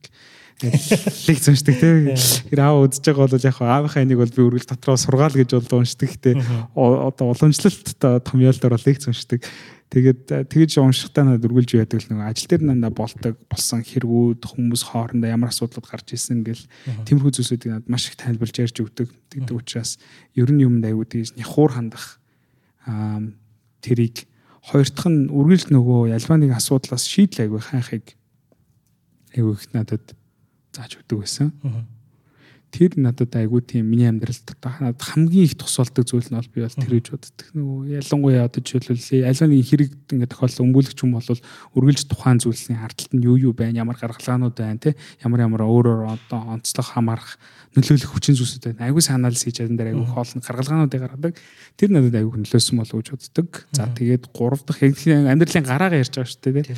Тэгэхээр гурав дахь нь зүгээр миний бодлоор би айгүй ээжтэйгээ айгүй ойрхон ээжтэйгээ айгүй ойрхон. Аа тэгээд миний ээж бол маш тийм мундаг намайг хүмүүжүүлсэн гэж бол би айгүй тийм хүнлэг хүн болгож хүмүүжүүлсэн юм надад санагддаг. Тэгэхээр яг хүмүүс тэрийг намайг яаж хардгийг бол би мэдэхгүй л дээ. Гэтэ би өөрийгөө ойлгохдоо аа болвол миний энэ хүмүүжил айгүй том хувь нь ээжээс миний үлж ирсэн болохоор тэр хүнийг хайрлах, хүний хүндлэх, хүний хөдөлмөрийг хүндлэх бусдыг төрүүлж өөрөөсөө төрүүлж тавих бусдыг бодох те. Ядахнаа л ингээл такси дуудаад буулаа гэхэд ийшээ орохлоор хаймар бүглэрэлтэй юм бэ энэ бууч гэд дотхныхаа гата буугыг л алхаад орчдөг ч юм уу те. Тиймэрхүү хүмүүжлийг бол үргэлж дандаа манай ээж надад суулгасан. Тэгээд бас тэрэндээ нөгөө хүнийг нөгөө эмгтэн хүнийг хайрлах халамжлах гэр бүлд ямар эрэгтэй хүн эрэгтэй байдгийг гэдгийг ээжээгүй сайн ойлгуулж ухааруулсан болохоор дараа нь тэр надад гэр бүл зохиох хүүхдээ хайрлах эхнэрээ хайрлах тэр юм манай ээж надад айгуу сайн өгсөн л гэж боддог. Тийм уурал зүйл. Орс школ нь бол чиний бүр personal brand-д хүртэл нөлөөлсөн ба шүү дээ. Антошка гэдэг. Ер нь тийм ээ те яа утсан чинь. Трүү трүү. Аа яг бас дахиад нэг юм ургуулад асуучих л да одоо чи ингээ Орос школ төгслөө. Тэгсэн мөртлөө Америкт очичлоо. Тэгсэн мөртлөө Монголоо. Тий, тэгээд одоо бол ингээ дэлхийн нөгөө шинэ үдэнтэй ангидгаар бол угаасаа Оросын эсрэг Америкт болчлаа шүү дээ, тий. Чиний дотоод хэр зөрчил үүсэж байна. Ер нь амар их дээ. Ер нь их их. Гэхдээ энийг ийм асуудал байгаа. Одоо зүгээр бодож байгаа юм нь Оросын үндсэн төрийн бодлого гэдэг зүйл нэг айгуу том өөр Оросын бодлогыг ингээ хараад үзэхлээр манай Монголд ямар татвар тавьдаг те? Манай ямар байдалтай ханддаг талаас нь ингээ бодоод үзэхлээр тэр бол яг Монгол хүний хувьд бол айгүй жигшин зүг зүгцмээр аюу мухай бид нэр ялангуяа одоо хиттэйга бүр амар муухай гэл орсон ахнар гэл ингээл яг бодит ингээд тоо хідүүлээ факт ярил. Айгүй тийм зөрчилдөөнтэй юм гарч ирдэг. А гэхдээ дотооддоо би юу гэж боддог вэ гэхлээр Монгол яг нөгөө Орос өөрөө соёл Оросын дэлхийн одоо нөгөө соёл иргэншил оруулсан шижлэг ухаанд оруулсан манай Монгол улсын тусгаар тогтнолд оруулсан одоо нөлөөг нь бодглохлоор тэр хүмүүст илгэмсүү хандах нь бол аргагүй юм санагдаад байдаг надад. Тэгэхээр хэрвээ бид нэр аль ч улсын одоо гадаад болон дотоод бодлогыг бид нар аваад тэрийг нь тооцоолоос авч үзвэл би бол Орос дуртай. А яг Монгол хүнээ бодоод тэр фактыг нь одоо тэр томьёо дотор тэр өгөгдлийг нэмээд оруулаад үзэх юм бол Оросоос бол би айгүй хол байхыг хүсдэг. Тэг яг тийм зөрчилдөөнтэй л байдаг та. Зөв зөв. Окей, thank you товчууг тодорхой хариуллаа. Окей. За одоо хоёул ярианыхаас эдэг жоохон залуурдъя. За. Тий, тэгээд яг энэ жоохон кринж асуулт л та. Гэтэ нөгөө энэ подкастаа хоёлаа гол санаа нь бас манай Аннюгийн тухай ярих гэж байгаа шүү дээ, тий. Тэгээд энэ анью гэдэг зүйлийг бодтой болгохын тулд чит хоёрын бие биенээ таньдаг Анх танилцсан Jet 2-ын одоо энэ нөхөрлөл хэдэн жилч нөхөрлөж байгаа нь те. Энэ нөхөрлөл энэ бүхнээс амар хамааралтай. Тэгэхээр яг хаа жоохон фаны талаас нь ч гэдэг юм асуувал миний чиний талаар чиний миний талаар анхны сэтгэл юу байсан. Аа за тэрийг би та бүхэндээ ярьж өгье. Одоо өнгөтөр харуулж би бас чинийхийг ярьж өгнө. Хамгийн анх бэлгүүнээ гэхдээ энэ битээр амар тийм ер нь эртний бас одоо юу гэдэг аа энэ бол бас айгуу гой учрал гэж би боддог. Тохиолдол биш яг нэг гой учрал. Тэгэхээр 15 онд би хамгийн анх бэлгүүнтэй танилцсан байд 15 он тий 15 тэр яадаг вэ гэхээр Америк жил болго надад хэлэх үг байна гэдэг нэртэй тийм илтгэлийн тэмцээн болдог байхгүй. Илтгэлийн тэмцээн дээр гол одоо орж ирдэг нь Монгол улстай холбоотой. Тэртээ аюу гоё шүү дээ тий гадаадд байгаа сурж байгаа, ажиллаж байгаа хүмүүс Монгол улстай байгаа ямар асуудлыг бидэнд яаж шийдэж болох вэ гэдэг тэр хүмүүс ихтгэл бичээ санал өчөөд тэр тэмцээнд орж уралддаг. Айгуу гоё. Тэгээ тэн дээр Америк хотоос Америкийн айгуу олон олон хотуудаас монголчууд ирээ тэр тэмцээнд оролцдог. Тэгээд тухайн жилдээ болохоор би яг нөгөө оролцож исэн биш зохион байгуулалтын багт нь байж таарад тэгээд тэр жил болохоор Сент Луис хотод болж исэн. Аа Тэгээд Сант Луисын Линденвуд гэдэг сургууль дээр яг болоод тэгээд бид нөгөө зохион байгуулалтын баг магаар очиод бид нар тэн дээр чи яагаад би зураг мураг аваад тэгээд л яг исэн чинь нөгөө бүх хүмүүс илтгэл дунтаас нь нэг цогт бэлгүүн дээр гэл аа би одоо хоёр хүн гарч ирэх гээд байгаа юм болоо гэж одоо тэгсэн чинь л тухайн үед юу чинь юутэй сороочтой байлуу эсвэл бол дээгүүрээ дээлтэй байлуу би хувцлыг нэг тийм Монгол Монгол цамцтай цамцтай байсан тий цамц биш нэг юм захтай тийм захтай. Монгол захтай нэг юм пижак юм уу? Яа яг энэ тийм. Би яг тийм тийсэн тэгэл гарч ирээд Аа би нөгөө өөрөөс тухайн үед чинь нэлээд олон жил нөгөө ихтгэл илтгэх урлаг мурлаг ингээ сонирхож мархдаг. Тэгэл тэр доторх ингээл нөгөө техник механикуудыг нээр мэддэг. Тэгсэн чинь нэг тэрнээс гарч ирлээ. Уянгалаа л байна. Фүү өгний сонголт монголтууд бүр ингээ тасарсан заяа. Энэ ямар амар ярддаг залуу вэ гэж бодвол тухайн үед би яг ямар сэдв мэдэр ихтэл тавьсныг бол би сайн сандгүй. Гэтэ бүр үнэхээр сайн ярддаг. Таад одоо энэ хөтлөлт хийж явах таад асуултыг нь яг ярианых нүртэл яг энэ скил нь бол тэр үедээ бол хүртэл байсан. Тэр үедээ багт илүү сайн ч байсан байж магадгүй. Яс тэгж чаддаг. Тэгээд э, тэр үедээ би харчаалаа. Энэ залуус та гоё ярьдаг залуу байна да гэд. Тэгээл яг илтгэлээ тавиад дуусныхан дараа яг э, битээр танилцж исэн да. Тэгэл тухайн үедээ яг танилцаад битээрийн угаас хаардаг үнцэг. Э, тухайн үед бол миний дотор бол зүгээр цэвэр респект байгаа юм чи тээ. Ингэж гоё ярьдаг. Ийм бас сэдвэн ч гэсэн айгүй тийм гоё чухал сэдв байсан. Санагдчих нь одоо надад sorry санахгүй байна. Тэгээд тэр нь амар гоё байгаа. Тэгээ тэрнээс хойш бид хоёр ерөөсө холбоотой бол байсан. Тэгээ тэрний дараа чинь бас нэг юм гоё хугарлын цэгийн талаар бас бэлгүүн асуугаад бид хоёр тэрийг ярих бол боломж гарах байна. За тэр хугарлын цэгээс өмнө би чиний талаар хахны сэтгэлээ хэлье. Тэгээ угаасаа тухайн үед чинь чи яг танигдаж эхэлж исэн ч юм уу эхэлсэн байсан уу яахгүй тий яг сошиал медиа нийгмийн сүлжээн дээр ер нь бол фейсбુકийн од гэх юм уу тухайн үедээ Тэр чи Facebook хэлээд чухал биз. Гэтэ андын амир ялгаатай юм нь YouTube дээр бас контентууд хийдэг. Тэгээ яг чи нөгөө түрүүн хэлсэн нөгөө эхний адаалт ингэ штэ тий. Яг гадаадад амьдарч байгаа туршлага амир хуримт хуваалцдаг. Тэгээ ер нь бол би яг андыг мэддэг. Ер нь а тэр залуу байна да гэд. Гэтэ хамгийн анх нөгөө нэг анх тэр Blendwood-ийн сургууль дээр очиагүйс юм аа нөгөө зочд буудалд нь орой лава бит хоёр очоод тэгээ нэг өрөөнд дэжсэн чинь чи яг орж ирсэн аахгүй. Тэгээ анд нэг юм цагаан футболктэй. Тэгээ би яг анд дээр чи ямар том чэйжтэй залуу байл гэж бодчихсон. Амар том чэйжтэй залуу байдаа гэж. Хойд одооныхоос ч том ч магадгүй чи яриад чиний чэйж багсаад миний яриа ботсон шүү. Том шүү. Тэг тэгээд тэр үед бол тэгээд тэгээд бас нэг амар гой санагдсан юм нь чи нөгөө амар юм тэмдэглэл бичдэг Ингээд ихтгэлүүд сонсож байхдаа ингээд бүх юм дээр нь тэмдэглэл бичээл амар асуултад асуугаал. Ер нь бол андын асуултад амар яг ядаргаат гэдэг байхгүй. Амар ядаргаатай олон асуулт асуудаг. Гэтэ айгүй зөв асуултад асуудаг. Тэгээд би тэр үед бол амар ажил хэрэгч залуу байна. Маш зөвүүн зөвүүн асуултад асуудаг залуу байна гэж бодож ирсэн.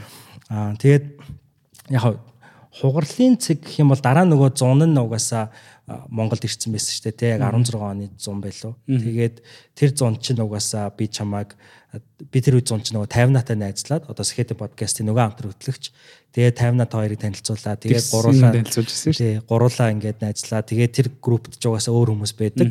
Тэгэл ер нь бол хэдүүлээ хамтдаа нэг юм контент хий нэг юм хийгээл ингээл ярьжсэн те. Тэгээ тэрний бас нэлийн анхны оригинал санаануудыг бол бас анан дөөрөө гаргадаг байсан. Тэгээд тэрийг би яриулна. Гэтэ яг нэг хугарлын цэг надад зүгээр вау ананд үнэхээр nice залуу байна шүү гэж бүр үнэхээр чин сэтгэлээсээ бодсон юм нь 16 оны дэнүрт болсон надад хэлэх үг байхгүй. Тэгээ тэр надад хэлэх үг байна дээр ч болохоор би яг нөгөө под скетэн гэдэг төслийг анх танилцуулаад чи болохоор Монголика гэдэг төслөө танилцуулсан тийм. Тэгээд яг хөө тэр төсөл чи яг хөө төслүүд нь чи яг хөө тэр нөгөө оройн нь ингээд бид нар бүгдөө амар ядарсан, шоудсан, уухан нууцсан ингээд жоохон хөөрөлттэйсэн шүү дээ. Тэгээ тэр үед чиний бие агент амар муудаад тэгээ бид нар чамайг хотел дээр хүргэж өгөөд тэгсэн чинь чи хотел дээр бичнэ амар муу исэн мөртлөө чи би та хэдийг гаргаж өгье гэдэг доошоо ингээд бүгдийг гаргаж өгөө тэгээ бид хэдийг Миннесотаар ингээд үдээ явуулчихсан байхгүй. Тэгээ ягаад ч юм тэр үед нөгөө хоёр нэг тийм бид төрж ирсэн юм а. Эхлээд яг тэр нөгөө илтгэлийн төвцөөний үеэр тэгээ хэдүүлээ буудалтаа баг нэг өрөө мөрөнд хамт исэн шүү дээ тий. Тэгэхээр чиний зүгээр ингээ бие авч явж байгаа байдал нэгт ингээд хувцс чинь ингээ бүх юм амар жигд баг оймс чинь цамцтайгаа холбоотой те үрчлээ байхгүй ингээ нэг юм утас муцаар холбочдөг заяо. Тэгээ ингээ бүх юм амар зэгцтэй. Тэгээд аль болох юмыг айгүй хурдан богино хугацаанд үр дүнтэй ингээд хийх гэж оролддог. Машин цэнд явж байхдаа ингээл илтгэл мэлтгэлээ бэлдээл бүх юмудаа хийждэг. Аа тэгээд айгүй олон талын мэдлэгтэй. Тэгээ би бол их тухайн үед бодож байсан хгүй. Ер нь бол ананд бол те яг супермен юм байна. Хин гэдэг үгээр супермен нөө Кен Кларк Кент. Кларк Кент лөө. Би яг Кларк Кент юм байна гэж яг бодож байсан хгүй. Айр багтар. Тэгээд гэтээ хамгийн гоё нь бол яг тэр орой ингээд би энэ муу байсан мөртлөө бид нэр доошоо буугаад ингээд замдаа сайн яваарай гэд ингээд тэрврээ салж ирсэн тэр салах ёс үедээ. Тэгээ нөгөө хүний үйлдэл нэг юм жижигхэн зүйлээсээ харагддаг гэж тэ. Тэгээ яг тэр зүйл үед үеийн тэр мэдрэмж бол надад амар тод үлдчихсэн. Аа гэхдээ одоо тэр би нэр фан факт хэлчихв. Тэр яг бэлгүүнээс өөрөө жоохон санаа зовоод хэлэх байх шүү. Тэр дэг жил болдог Денверийн тэр надад хэлэх үг гэдэг тэнцэн дээр бэлгүүнээс ихэдэн төслөөрөө нэгдүгээр оронд ороод би Монголика гэдгээрээ хоёрдугаар оронд орсон. Эвдэр нэг хоёрдугаар оронд яг үндийг хэлэхэд одоо яг тэр хоёрынх нь нэгнийх нь үр дүнгийн таад яг одоо ингэж үзээ сууж байна. Нөгөөхнийх нь үр дүнгийн бид нар өнөөдөр ер нь бол ярих гэж байгаа те. Тэгээ үнэ амар гоё залуурлага байна. Гэтэ яг нэр яг тийм юм байна. Хоёр төсөл мөр хоёлаа л явж байгаа. Хоёлаа л явж байгаа. Тий. Ер нь гэтээ анхны одоо скетинг бол би подкаст гэж огт хараагүй шүү дээ. Ер нь бол нэг юм хувь хүний хөгжлийн. Тий community. Яг би ч тэгж тухайн үед ч бодоагүй юм байна. Аа гэтээ тэр маань ингээ үргэлжлээ подкаст толгой тэргээр дамжлах community үүсгэж байгаа. Аа Monголика болохоор яг өнөөдрийн бидний өнөөдөр хийж байгаа энэ тайлбарлах контент байгаа байхгүй. Тийм ба. Тий. Тэгэхээр а би яг энэ асуултыг асуухаас өмнө ер нь бол Monголика гэдэг үгийг чи эхлээд тайлбарлаад өгвөл гоё ах гэж бодож байна. Тийм. Монгол гэдэг үг надад амар харин сонирхолтой стайг орж ирсэн шүү. Би яг тэр хойд би нэг нэгтлэл уншиж илүү яаж илаа. Тэгээд нөгөө түүх судлаад төжсэн чинь ер нь дэлхийд дахинд хоёр удаагийн амар том одоо хүн төрөлхтөн ер нь үүсэн цагаас хоёр удаагийн урт хугацааны айгүй тийм том одоо их тайван ер нь тогтсон маш их нөгөө хөгжил яг тухайн үед бий болсон. Аа тэгээд дээрэс нь айгүй их тэр нөгөө өрөндөөс дорноос өрөндийн хооронд айгүй их тэгэж одоо idea free flow буюу одоо санаа бусад зүйлсүүд айгүй их ингэж чөлөөтэй шилжсэн үе байдаг юм байлаа. Би тэрнийх нь болохоор Миний гэхдээ би яг буруу санаж би яаж хоёр гэдэг бол баттай мэдэж байна. Ахаа тэрнээс өмнө байдаг лөө үгүй л сайн мэдэхгүй байна. Тэрнийх нь нэг нь болохоор Pax Mongolica гэдэг үг. Mongolica гэдэг нь латинаар угаасаа Монгол гэсэн үг юм байл л дээ. Тэгээ Pax гэдэг нь болохоор peace гэдэг. Тэгэхээр энэ Mongolian peace гэсэн үе. Тэр үеийн болохоор одоо мэдээж яг их Монголын э, эзэн хүрний үед яг нөгөө юуны торгоны замаар дамжуулаад айгүй их олон тийм санаа шин олон нээлт ололтууд хоорондоо ингэ шилцсэн тийм үе. Тэгээ маш их их тайвны цаг үе байсан. Тэрийг яагаад чинь бид нар Монголика гэдэг үгээр буюу тэр их тайвны үед Монгол улс Монгол одоо тэгэж хүчрхэгжин цэцгэлж тухайн үед тэргээрээ дэлхийн хөгжил дэлхийн одоо иргэншилттэй соёлын иргэншилт маш том хувь нэмэр оруулж байгаа яг тэр үеийг бэлэгдэж Монголика гэдэг нэрийг өгье гэж лайг өгдөг гэж тохойд бодож исэн. Тийм тийм түүхтэй. Хоёр дахь нь болохоор Pax Britannica гэж байт юм бэл. Одоо тэгээд за окей Монголика гэдэг бол Монголын их амар гамгалсан ч юм уу тийм л үг шүү дээ тий. Гэтэл тэр чинь яаж тайлбарлах контенттэй ч холбогдоод байгаа. It's very good. Тухайн үед бол яг хөө мэдээ зүгээр гой сонсогддог бол аа за энэ гой сонсогдож байгаа бай. Тэгээд Монголик юм байна гэж зүгээр юу бодчихсон. Гэхдээ яг хөө миний бодлоор бид нэр авал одоо хахад угаасаа дэлхийн хөгжилтэй бид харьцуулахад бид нар юу гэдэг одоо зэр зэвсэг те айрамаар бид нар одоо 13 доо зунд байсан шигээ бид нар бол буцааж дэлхийг бол дайлаар мордож дэлхийд бол өөрсдөө хамгаалж үлдээх нь бол одоохонд бол ойрын хэдэн зуун жилдээ бол байхгүй байх гэж бол би бодож байна. Гэтэ бид нарыг тгийж чадах зүйл нь болохоор мэдээж нэг оюун санааны, оюун ухааны те. Бусдад дэлхийд дахинд тухайн үед одоо маань Монгол улс шиг маань одоо шашин тахгүй сайхан хүлцэнгүй ханддаг тийм мэрэгшил, тийм одоо соёл бол ховорхон байсантай адилхан бид нар бас дэлхийд нэг тийм өгөх үнцэнтэй, санаатай, бүтээлтэй, айдиатай, соёлтой тийм л юмыг бид нэр өөрсдийн тайлбарлах сэтгүүл зүгээрээ дотооддоо тайлбарлах сэтгүүл зүг одоо сэтгүүл зүг яг тайлбарлах бичлэгүүдээрээ дотооддоо болон гадааддаа хүргье л гэдэг тийм санаагаар Монгол гэдэг нэрийг өгсөн баг. Окей. За энэ жоохон одоогийн хоёлаа хийж байгаа юмтай холбоход аа ер нь бол жоохон хэцүү бах тий шууд Монгол их ингээ холбоход. Гэтэ холбогдох цэг нь юу вэ гэхээр а чиний Монголд ирсэн шалтгаан байгаа байхгүй. Бас миний Монголд ирсэн шалтгаан байгаа л. Хоёлаа Монголд байж иж энэ бүхцэл боломжтой байсан гэдгийг чид хоёрын олон жилийн нөхрөлд харуулсан. Яагаад тэгэхээр энэ санааг бол бид хоёр ингээл танилцчихал 16 онд чи бидэрт яриад ингээл тэрнээс хойш чинь баг 4 5 жил ингээл хийх гэж оролцсон оролдлогод байгаа шүү дээ. Би яг энэ дээр зүгээр ихэд нэмэлт мэдээлэлүүд 16 онд бид нэр яг энэ хоорн бүр амар зайстай үнэхээр гоё юм байна. Энийг ер нь хэдүүлээ хамтдаа хийх ёстой байна гэж ярьсан. 16 онд бид нэг double shot гэдэг нэртэй кофе шоп дотор нэг нэг пив авал нэг пив өнгөө пизлэр ч илүү юу илээ.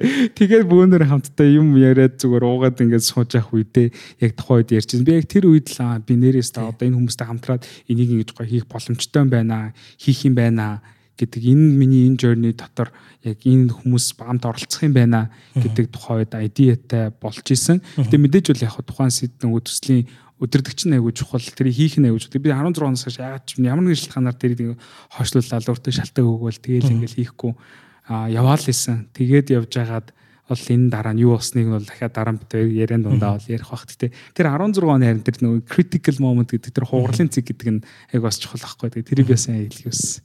За thanks double shot. Thanks double shot. За окей. Тийм болохоор нөгөө Монголд хоёулаа энд байсан байх айгуу чухал болж тараад байгаа шүү дээ. Тэгээ чиний бодлоор чи ягаад Америкт үлдээгүү вэ? Үу that's айгуу айгуу зөөшөлт юм шүү. Би ер нь яг энэ дээр айгуу богинохан хариулт өгөхөд л ерөөсөө нэг үгээр одоо хил зүгээр товчдох юм бол нөгөө барын сүлээснээс батхны толгой хийсэн дээр гэдэг нэг үг гэдэг чтэй. Яг тэр үг надад айгуу хам ойрхон энд бол тохирно. А яагаад тэгж байгаа вэ гэхэлэр Тэхван газар очингууд 300 сая хүн амтай амар юм том нийгэм бүх юм хөгжсөн. Тэр газар юм хийхэд ер нь бол хийгээгүй юм бол байхгүй баг бүх юм хийцэн. Хөгжүүлээгүй юм бол байхгүй бүх дээр тодорхой хэмжээний ямар байдлаар хөгжсөн. Яг бүр л илүү хөгждөг юм байна гэсэн. Гэтэл манай Монголд надад харин би яг нэг хүний одоо ажлын бүтээлийн санааны difference амар их юм санагдсан байхгүй. Тэр л надад амар чухал байсан. Тэгээд ягаад ч би эргэлээд Монголд очиод би зүгээр жижиг юм хийхэд тэр нь амар юм том үр дүнтэй байж болох юм шиг санагдаад. Тэгээд за би ер нь Монголд очиод юм хиймээр байгаа юм байна гэдгийг ер нь бол айгүй сайн бодоод ер нь төгсөхдөө бол ер нь яг төгсөхдөө нэг жил юм хоёр жил ажиллаад ирж магадгүй л гэж бодож исэн л та. Гэтэ ер нь бол хиттэй Монголд очиж юм хийнэ гэдэг бодолтой бол байсан. А яг тэрийг бүр амар сайн баттж өгсөн юм болохоор бид хоёр буйна бид хоёр зуны хамралтаар очиод манай бид хоёр хүүхдтэй болоод манай хүн жирэмсэн болоод тэгээд л ер нь Монголд очиж ер нь төрий Монголд очиж төрөөд Монгол хүн ер нь бол бүтээ бүтээ гэдэг нь Монгол төрсөн амар амар Монгол Монгол соёлтой тий Монгол ахуйтай Монгол өвөөмэтэйгээ ойрхон тий бас нэг Монгол байгальтайгаа ойрхон. Сайхан гой сэлбийнхээ гол дотор туулынхаа гол дотор тэрэлж байгаа гол дотор хүснээр ороо сэлждэг. Гадаанд гарч ирээ сайхан зүлгэн дээр гараад ишаараа хөвтчихдэг. Тийм хүүхдийг багаас нь бас нэг гой хүмүүжүүлээд тийм гой мэдрүүлэе гэж бодож л ер нь Монгол руугаа зорсон да чиний хувьд наад хариулт чинь юу гэдгийг чиний бас яг амьдралын туршлага бас яг миний амьдралын туршлагатай бас л айгу тогтолцож байгаа нэг зүйл нах л та би бас яг л анх Монголоос явахтаа л ер нь бол буцаж ирнэ л гэсэн бодолтой байсан. Тэгээ тэрийг элчисэд ям дээр ярилцлаганд орохдоо ч ирсэн. Тэрэндээ айгүй итгэлтэй тэгээд ирсэн. Тэгээд ер нь бол Америкт очиход надад тэр сургууль бүртгүүлэх, аппликейшн бүглэх тэрнээс хамгийн хэцүү баг визний ярилцлага байсан санагддаг байхгүй. Визэл авчаал ер нь амар баярлж ирсэн яг. Тэгээд би бүр догтлсондоо болоод визнийхаа зургийг фейсбુક дээрээ тавиад бүх дугаар муугаар бүх юмтай. Тэгээд гэрийнхэндээ алуулж ижээ. Чи одоо хамаг мэдээлэл дэлгээ аяжгаа гэдэг шүү дээ. Тэгээд яг адилхан ер нь анх явахасаа өмнө Монголдо ирнэ гэдэг бодолтой. Тий тэгээд э, яг төгссөн чинь амар юм дутуу байгаа юм санагдаад ямар ч нэг жил сурсан л та. Би ажилласан л та. Тэгсэн чи дахиад юм дутуу байгаа санагдал. Тэгээ магистра хийгээл Тэгээд яг магистра хийгээд дахиад нэг жил ажиллах боломжтой байгаа шүү дээ. Уул дахиад UPT-гээр. Тэгсэн мөртлөө яагаад ч юм яг чиний хэлж байгаагаар нэг тийм энэ тухайн үедээ бас миний карьер ч айгу дайггүй явагдсан байхгүй Америкт. Улс төр мос төртөнд ажиллаад тэгэл ер нь бол тэнцээ үйлдэл би баг Миннесотагийнхаа улс төрд ажиллаад баг тухайн газрынхаа арчилсан намамд ороод ингээд жоохон явчих боломжтой карьер ер нь бол харагдаад лсэн. Аа гэтэл бас яг чиний хэлж байгаагаар нэг тийм барын сүл байна шүү дээ тий. Тэгээд тэр чинь бүр юм уужгарцсан аимшигын асуудалтай орны асуудлыг шийднэ гэдэг чинь амар хэцүү. А гэтэл монголчин арчлан ингээд хамаагүй залуу 30 жилийн настай тийм болохоор бидний ингээд туулж байгаа бүх юм туулах хэвээр процессор явж байгаа. Гэтэ энийг ямар ч хийсэн бүр 100 хэдэн жилийн түүхтэй арчлаас туршлага авсан юм чинь 1776 чинь илүү олон ч юм уу хэд чи 200 хэд юм байна те. Тэгээ ийм арчлаас ингээд туршлагыг авсан юм чи арай жоох өөр болгол юм буруу юу зөв нь арай жоохон гадарлаж байгаа юм чи Монголдо очиж бас энэ процессийн нэг хэсэг байл гэж хүссэн баг л та. Крижл боддیں ер нь. Тий. Аа энэ нь хариулж байгаад өөрийнхөө дараагийн асуултыг мартчихсан. Тий. Окей, ямар ч сан миний хариулт бол тий. Тийм болохоор чам чамтай айгуу төстэй. Тэгээд Тэгээ би бас зөвөр миний бодлоор яг хуу бас эргэж ирээд эргэж ирээд хийсэн зүйлсүүдийг нь юу н бодхолоор одоо хийж байгаа зүйлийг чип дээр тийшээгаа бүр очиход хүргэсэн. Тэгээ тэнд очиод хамгийн их мэдэрсэн зүйлсүүдийг энэ дээрэд бас өөрчлөе гэдэг бодолтой ирсэн болов уу гэж би боддог. Жишээлбэл би одоо тийшээгаа явах таар гол асуудал нь манай Монголд тэгэхээр сайн чанарын их сургууль байгаагүй те. Дэлхийн хэмжээний боловсрал одоо ингээд юу олгочдөг дэлхийн хэмжээнд өрсөлдөх хэмжээний тийм одоо ур чадвартай төгсөгчдийг гаргацдаг манай Монголд их сургууль нь тэгээд байгаа байлгүй яг зарим байдаг гэж хэлж магадгүй гэхдээ миний хувийн бодлоор бол би бол тэрнээс бол хол гэж боддог. Тэгэхээр тэр боловсролыг эзэмшихийн тулд бид нэр гэр бүлээ орхоод маш их хэмжээний мөнгө зарцуулаад бид нар гадаад руу сурах гэж явдаг те. Тэгээд буцаад эргээд тэндээ нь очиод юу мэдэрч байгаа вэ гингүүд аа ингээд хүмүүс мэдээлэл байхгүй мэдлэг байхгүй ийм асуудлаас болоод манайх амар олон гой боломжуудаас бид нар хоцорч байгаа юм байна. Аа бид нар дэлхийн яг хөгжлийг бас бид нар айгүй тийм ийм жижигхэн юм нарийнхан хүрээнд бид нар хараад байгаа юм байна тий. Нарийн хүнзгээр хараад байгаа юм.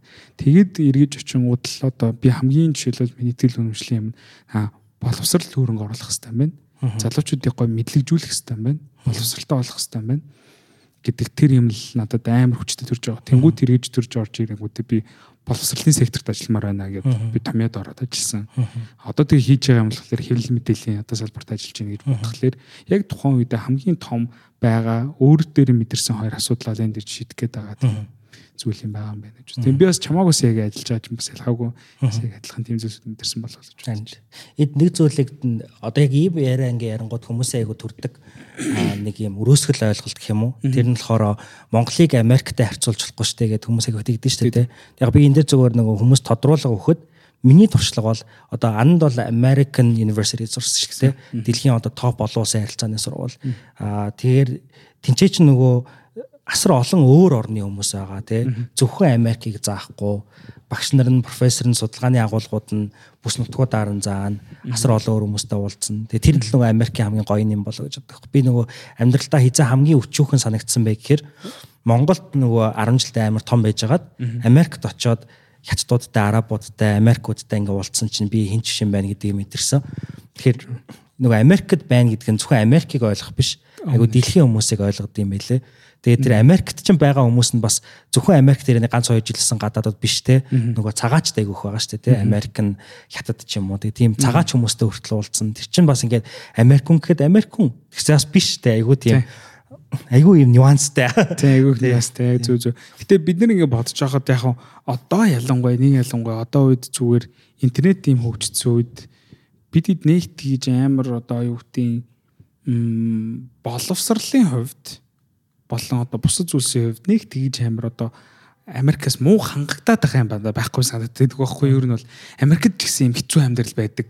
Америкт ч гэсэн одоо ингээд гэр оронгүй хүмүүс байдаг те. Америкт ч гэсэн нийгмийн юм асуудалтай юм зөндөө олон байдаг. Хамгийн гол зүгээр яагаад нөгөө Америк Монгол хоёр Америк Монгол хүмүүсийн одоо ур чадвар харах үнцэн үзэхтэй тиймэрхүү юмнууд ингээд яагаад танил цэвэрл яг нөгөө ямар хаанаас хэр чанартай мэдээлэл авч ийн?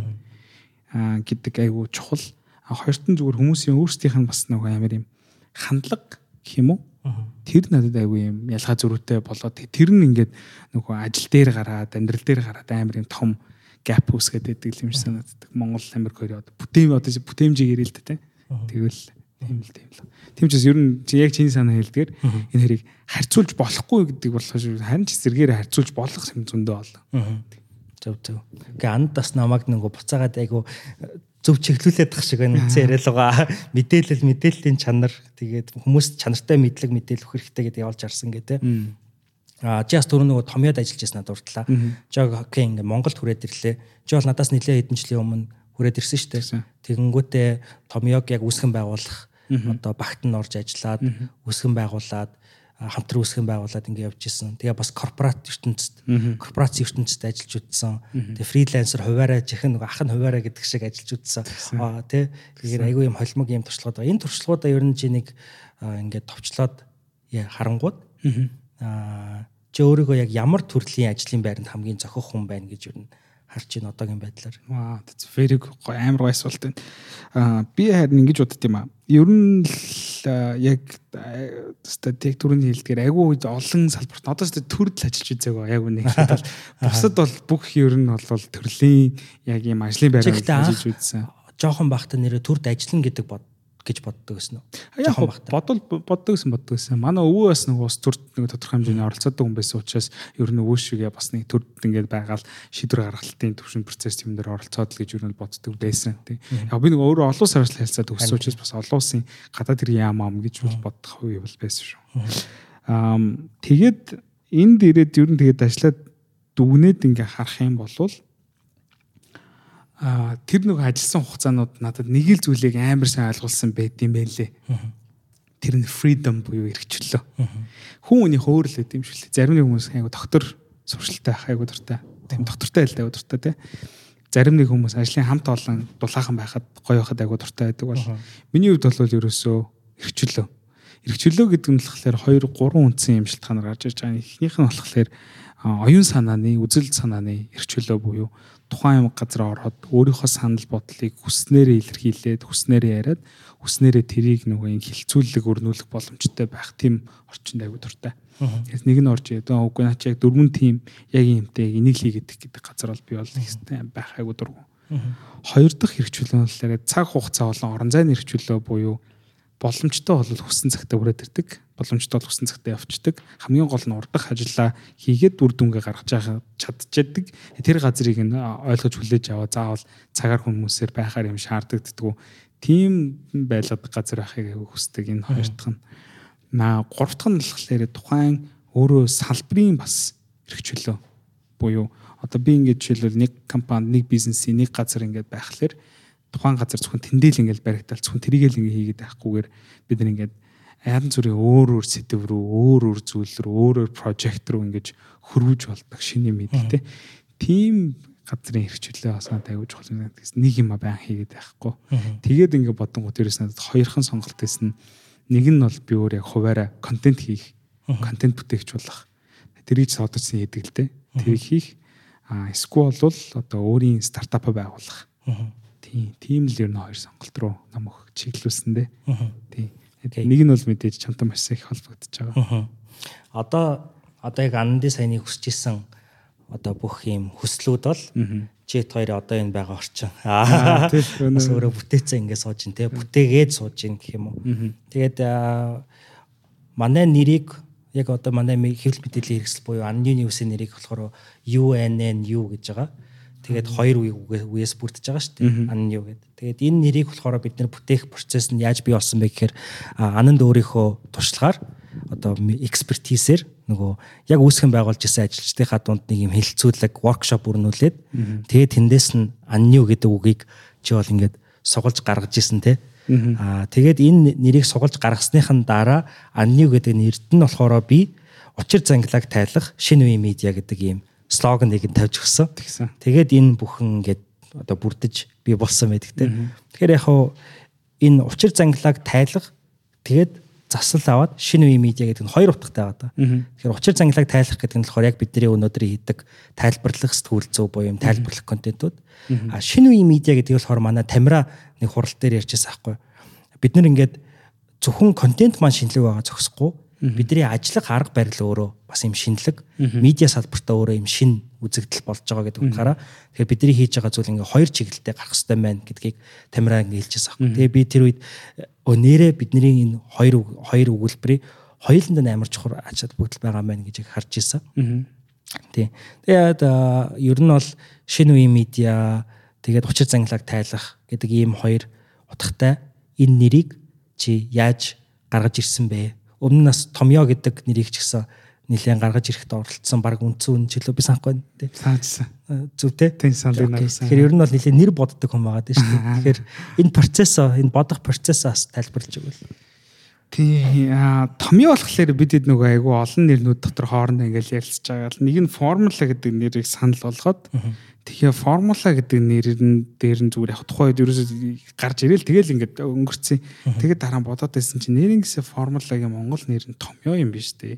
Ер нь бол ингээд хүн чинь томьёо байж ич тэр томьёон дотор өгөгдлүүдээ хийгээд явхвал яг эцсийн хариунд бүгдээрээ л зөв гарах боломжтой юм байна. Тэгэхээр бидэнд хүмүүс томьёог нь гадаадаа суралцах томьёо, хэл сурах томьёог нь заагаад өгвөл тэр томьёон дээр хүн өөрийнхөө өгөгдлийг оруулаад эцсийн хариунд үн зүүн гарах юм боломжтой байна гэд. Тэгээд томьёо гэж бэлгшээж өгсөн. Тэгээд одоо ч гэсэн томьёо маань сүултээ бүр сургуул болоо зөндөө болоо өөрөөр салбартаа болоод ер нь бол боср салбарын хайгуу тод одуудын нэг. Тийм тэн дотор бас миний өөрийн хувь нэмэр оролцоотой гэдэгт би бол чин сэтгэлээс маш баярлагдав манай багийнхан ч тэр бас айгуу гоё яг олж хараад миний бас харсан өнцгөөсөө гоё хараад тухай сонсонд нь би бол айгуу баярлж талархаж явдаг. Үнэн мансыг ялгаагүй аа new гэдэг эхлээд ан нь арай сүулт орж ирсэн. Эхлээд newгээр эхэлсэн байхгүй юу? Тэгэхээр би бол яг нөгөө орой миний яг сайн би өглөөний хүн болохоор өглөө дандаа унтад сэрээд яг сэрэх унтах хоёрын яг завсар байгаа яг тэр үе дээр миний гол санаа гэж орж ирдэг. Тэр өглөө яагаад ч юм надад new гэдэг үг орж ихдээ new гэдэг бичиглэлээрээ биш буюу шинэ гэдэг бичиглэлээр биш nu гэдэг бичиглэлээрээ байвал энэ нь ийм n үсэг юуны юм бэ гэхэл яг дээшээ доош ингээ харцсан гэд. Энэ бүр зураглал надад харагдаад нүдэнд нэр нь бодох дээрээс огт болтгоо. Тэгэл а new амар гоё юм байна гэд хэтгэж утчихсан аахгүй. Тэгээ new гэдэг дээр очие би new тэр new бла бла бла гэд ингээд үзчихсэн чинь дараа нэг нь манахнаас хэн нэлээ нэг нь урталтаа ан гэдэг өгтөр ороод ирсэн аахгүй. Тэгэнгүүт нөгөө unbox хийх annex нөгөө ан гэдэг нэг ямар нэг юм ингээд задлах гэсэн үг тай ингээд өвчтдээ ер нь бол. Тэгэнгүүт тэр ан гэдэг UN тэгээд NU гэдэг нь яг ингээд хоёр талаасаа нөгөө уншиж болдог. Яг тэр санаанд орж байла. Тэгэл NU гэдэг нэр амар гоё юм байна гэж зөв бодсон. Миний хувьд бол нөгөө цэвэр илүү creativity талаас гоё сонсогдож гоё харагдаж юм байна гэд. Тэгээд яг тэрний дараа нь нөгөө учир зангилаг тайлах шинэ үеийн медиа гэдэг яг тэр нөгөө нэрнийх нь сүнсийг нь бол манай бэлгүүний санал болгож оруулж ирсэн. Тэгээд тэрэн дотор бол яг үнэхээр нөгөө учир зангилаг тайлах гэдэг нь яг бидний explainer media болох хүсэл амбицийг бол амар сайн оруулж өгöd. New гэдэг дээр нь болохоор яг шинэ үеийн медиа буюу бид нэр хийцлээрээ ярианыхаа өнцгөөрөө хүндж байгаа сэдвийнхаа хүрээнд ч гэдгсэн бид нэр амар тийм гоё юм шинэлэг байя гэдэг тийм санаачлаа орж ирээд. Тэгэхэд одоо яг энэ хоёр үг бол манай яг цэвэр үнэн үү new юм бол core DNA буюу юм бүр суудсан ДНК л гэж би бол боддог шүү дээ одоо би нэрээс эхэлж байгаа учир шалтгаан манай офисынхан хөдөлж хөдөлж оролцож болно шүү guys. Хай гэж болно шүү орж ирээд. Аа нэрээс эхэлж байгаа шалтгаан нь шүү дээ. Нэр амар риск байсан аахгүй юу? Тэгээ анниу гэдэг хүмүүс хэлж чадчихжээ тий. Одоо өөнөө гэж хэл дуудана хүмүүс үнэн үү гин анниуч гин ер нь хэлж чадахгүй ч хөөс байгаа. Стил ингээд ер нь бол брендаа бүр ингээд плейс хийх айгүйх юу дут байгаа шүү дээ ажил дут байгаа. Аа тэгэхээр зэрэг нэрэн дээр бас эсэргүүцчихсэн хүмүүс ч байгаа. Тий хоёулаа бол анх бас үүсгэн байгуулахад бол дахиад нэг партнертай байсан тий. Тэгээд нөгөө партнер маань ялангуяа нэлээд дургу байсан. Аа тэр ч яах вэ? Гэтэ ер нь бол эсэргүүцэл байсан. Дээрэс нь чи бас яг ийм медиа байгуулын надтай хамтрий. Чи хоёр л өмнө огт юм хийж үзээгүй хамтдаа яг ийм бизнес мөнгө төгрөг ийм нийлүүлж үзээгүй байсан шүү дээ тий.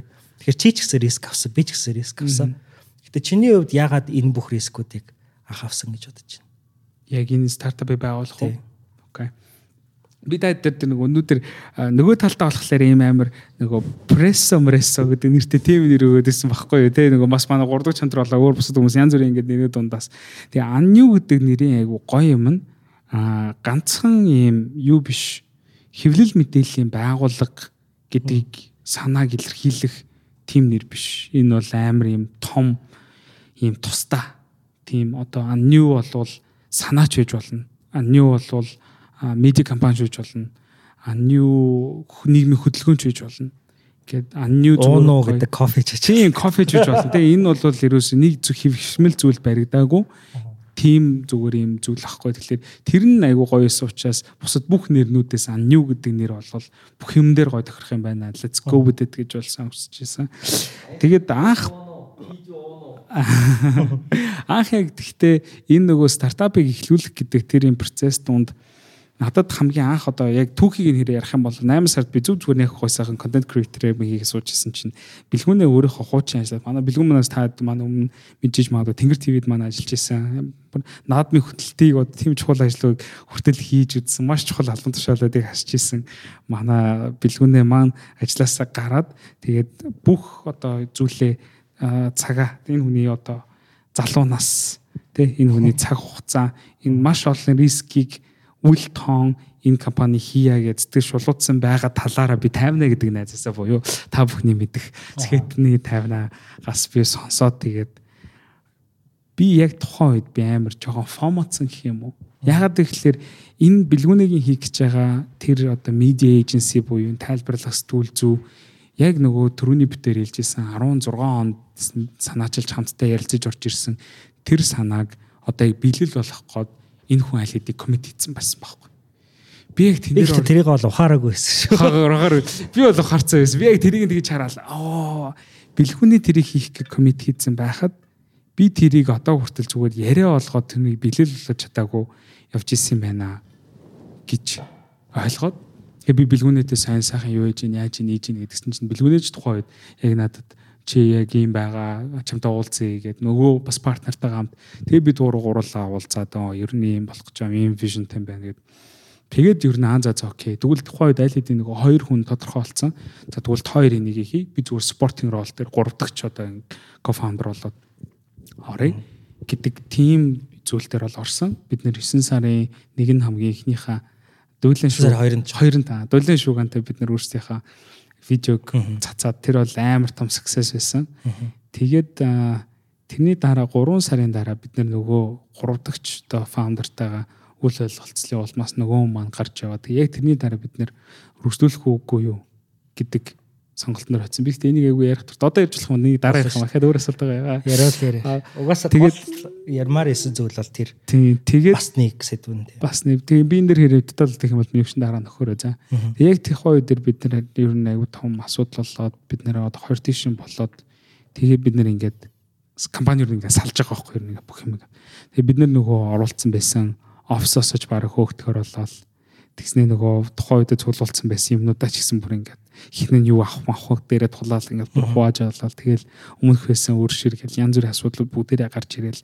Тэгээ бид нарт ерөөс ганцхан сонголт нь бэлгүүнэд ч тэр надад ч тэр эндээсэн бүх хүмүүс ч тэр ялангуяа тэр нөгөө бэлгүүнээ битэр нөгөө тухайн компани үүсгэн байгуулагч нар гэдэг утгаараа илүү их нөгөө юутай хариуцлагатай. Тэгээд за яг одоо бүх зүйлээ орхиод өөр зүйл хийгээ явах уу? Эсвэл бол бидэнд итгэж найдсан аюу их олон хүний итгэл найдварыг тэгээд бас давхар ихтэй олон хүний амьдралыг нуруунд дээрээ үрээд стартап байгуулад зөвхөн өөрсдөө үргэлжлүүлэх үү? Яагаад бид тээр тийм нөгөө 3 дахь хамтрагч маань бид тээрээс хамаагүй л авах хүн байсан аах те хамаагүй л бизнес байгуулад компани хийгээд ингэ үзсэн. Бид тээр бол ерөөс ямар ч тийм одоо хувийн стартапын тийм experience бид тээр байхгүй шүү дээ. Бид тээр бас харьцангуй ингэ залуухан хоёр хүн атлист их хойд ч бараг л нэг 10 орчим хүний бидний амьдралыг сар болгон цалин доктортой тавих team position дотор ороод ирсэн байсан. Хамгийн ихтэй амар нь яг мэдээж тэр хүн амьдаа сонгогдолоод хоолон дээр тулвал түүний хийхээс өөр аргагүй болдог байтал тухайн үед манай дотор байсан бүх хүн бүгдэнд нь одоо хоёр дахь сонголт гэдэг зүйл байсан байхгүй юу? Надад одоо би жишээл тухайн үед энийг үргэлжлүүлэх бол өөрний газар ороод би өөр хувийн маа хийгээд одоо контент креатор хийгээд явах боломжтой.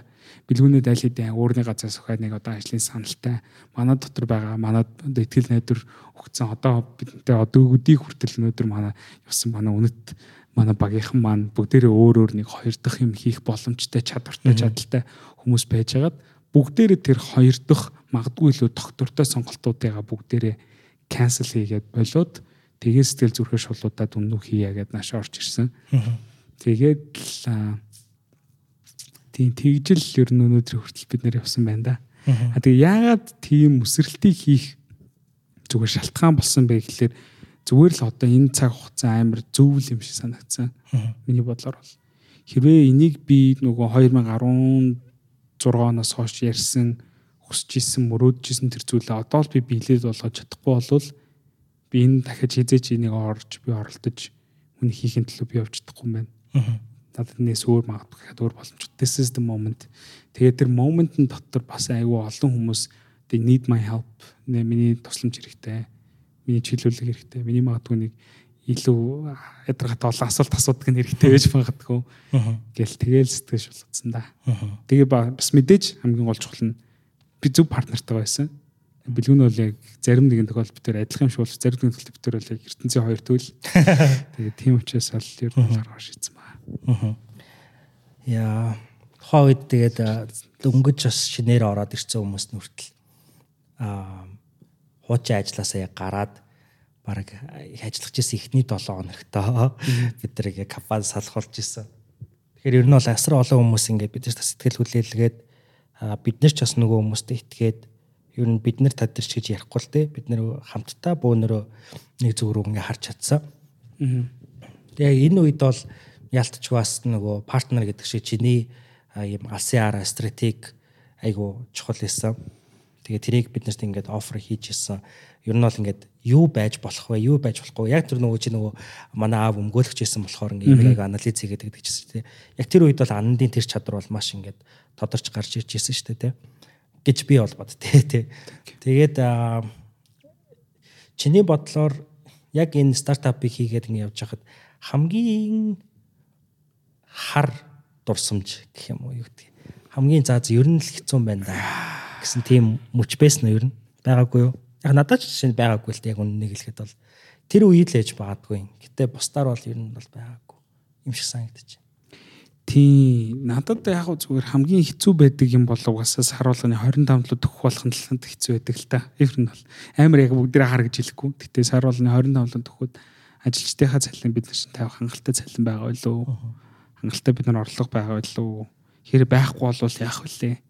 Төрөөс яах вүлээ гэж бол тухайн үед бодох бол өөрөөлж фаундер болгоны одоо боддог зүйл. Сар болгоны 25 төгөх үед бол нэлээд жоохон харанхуйлж эхэлдэг.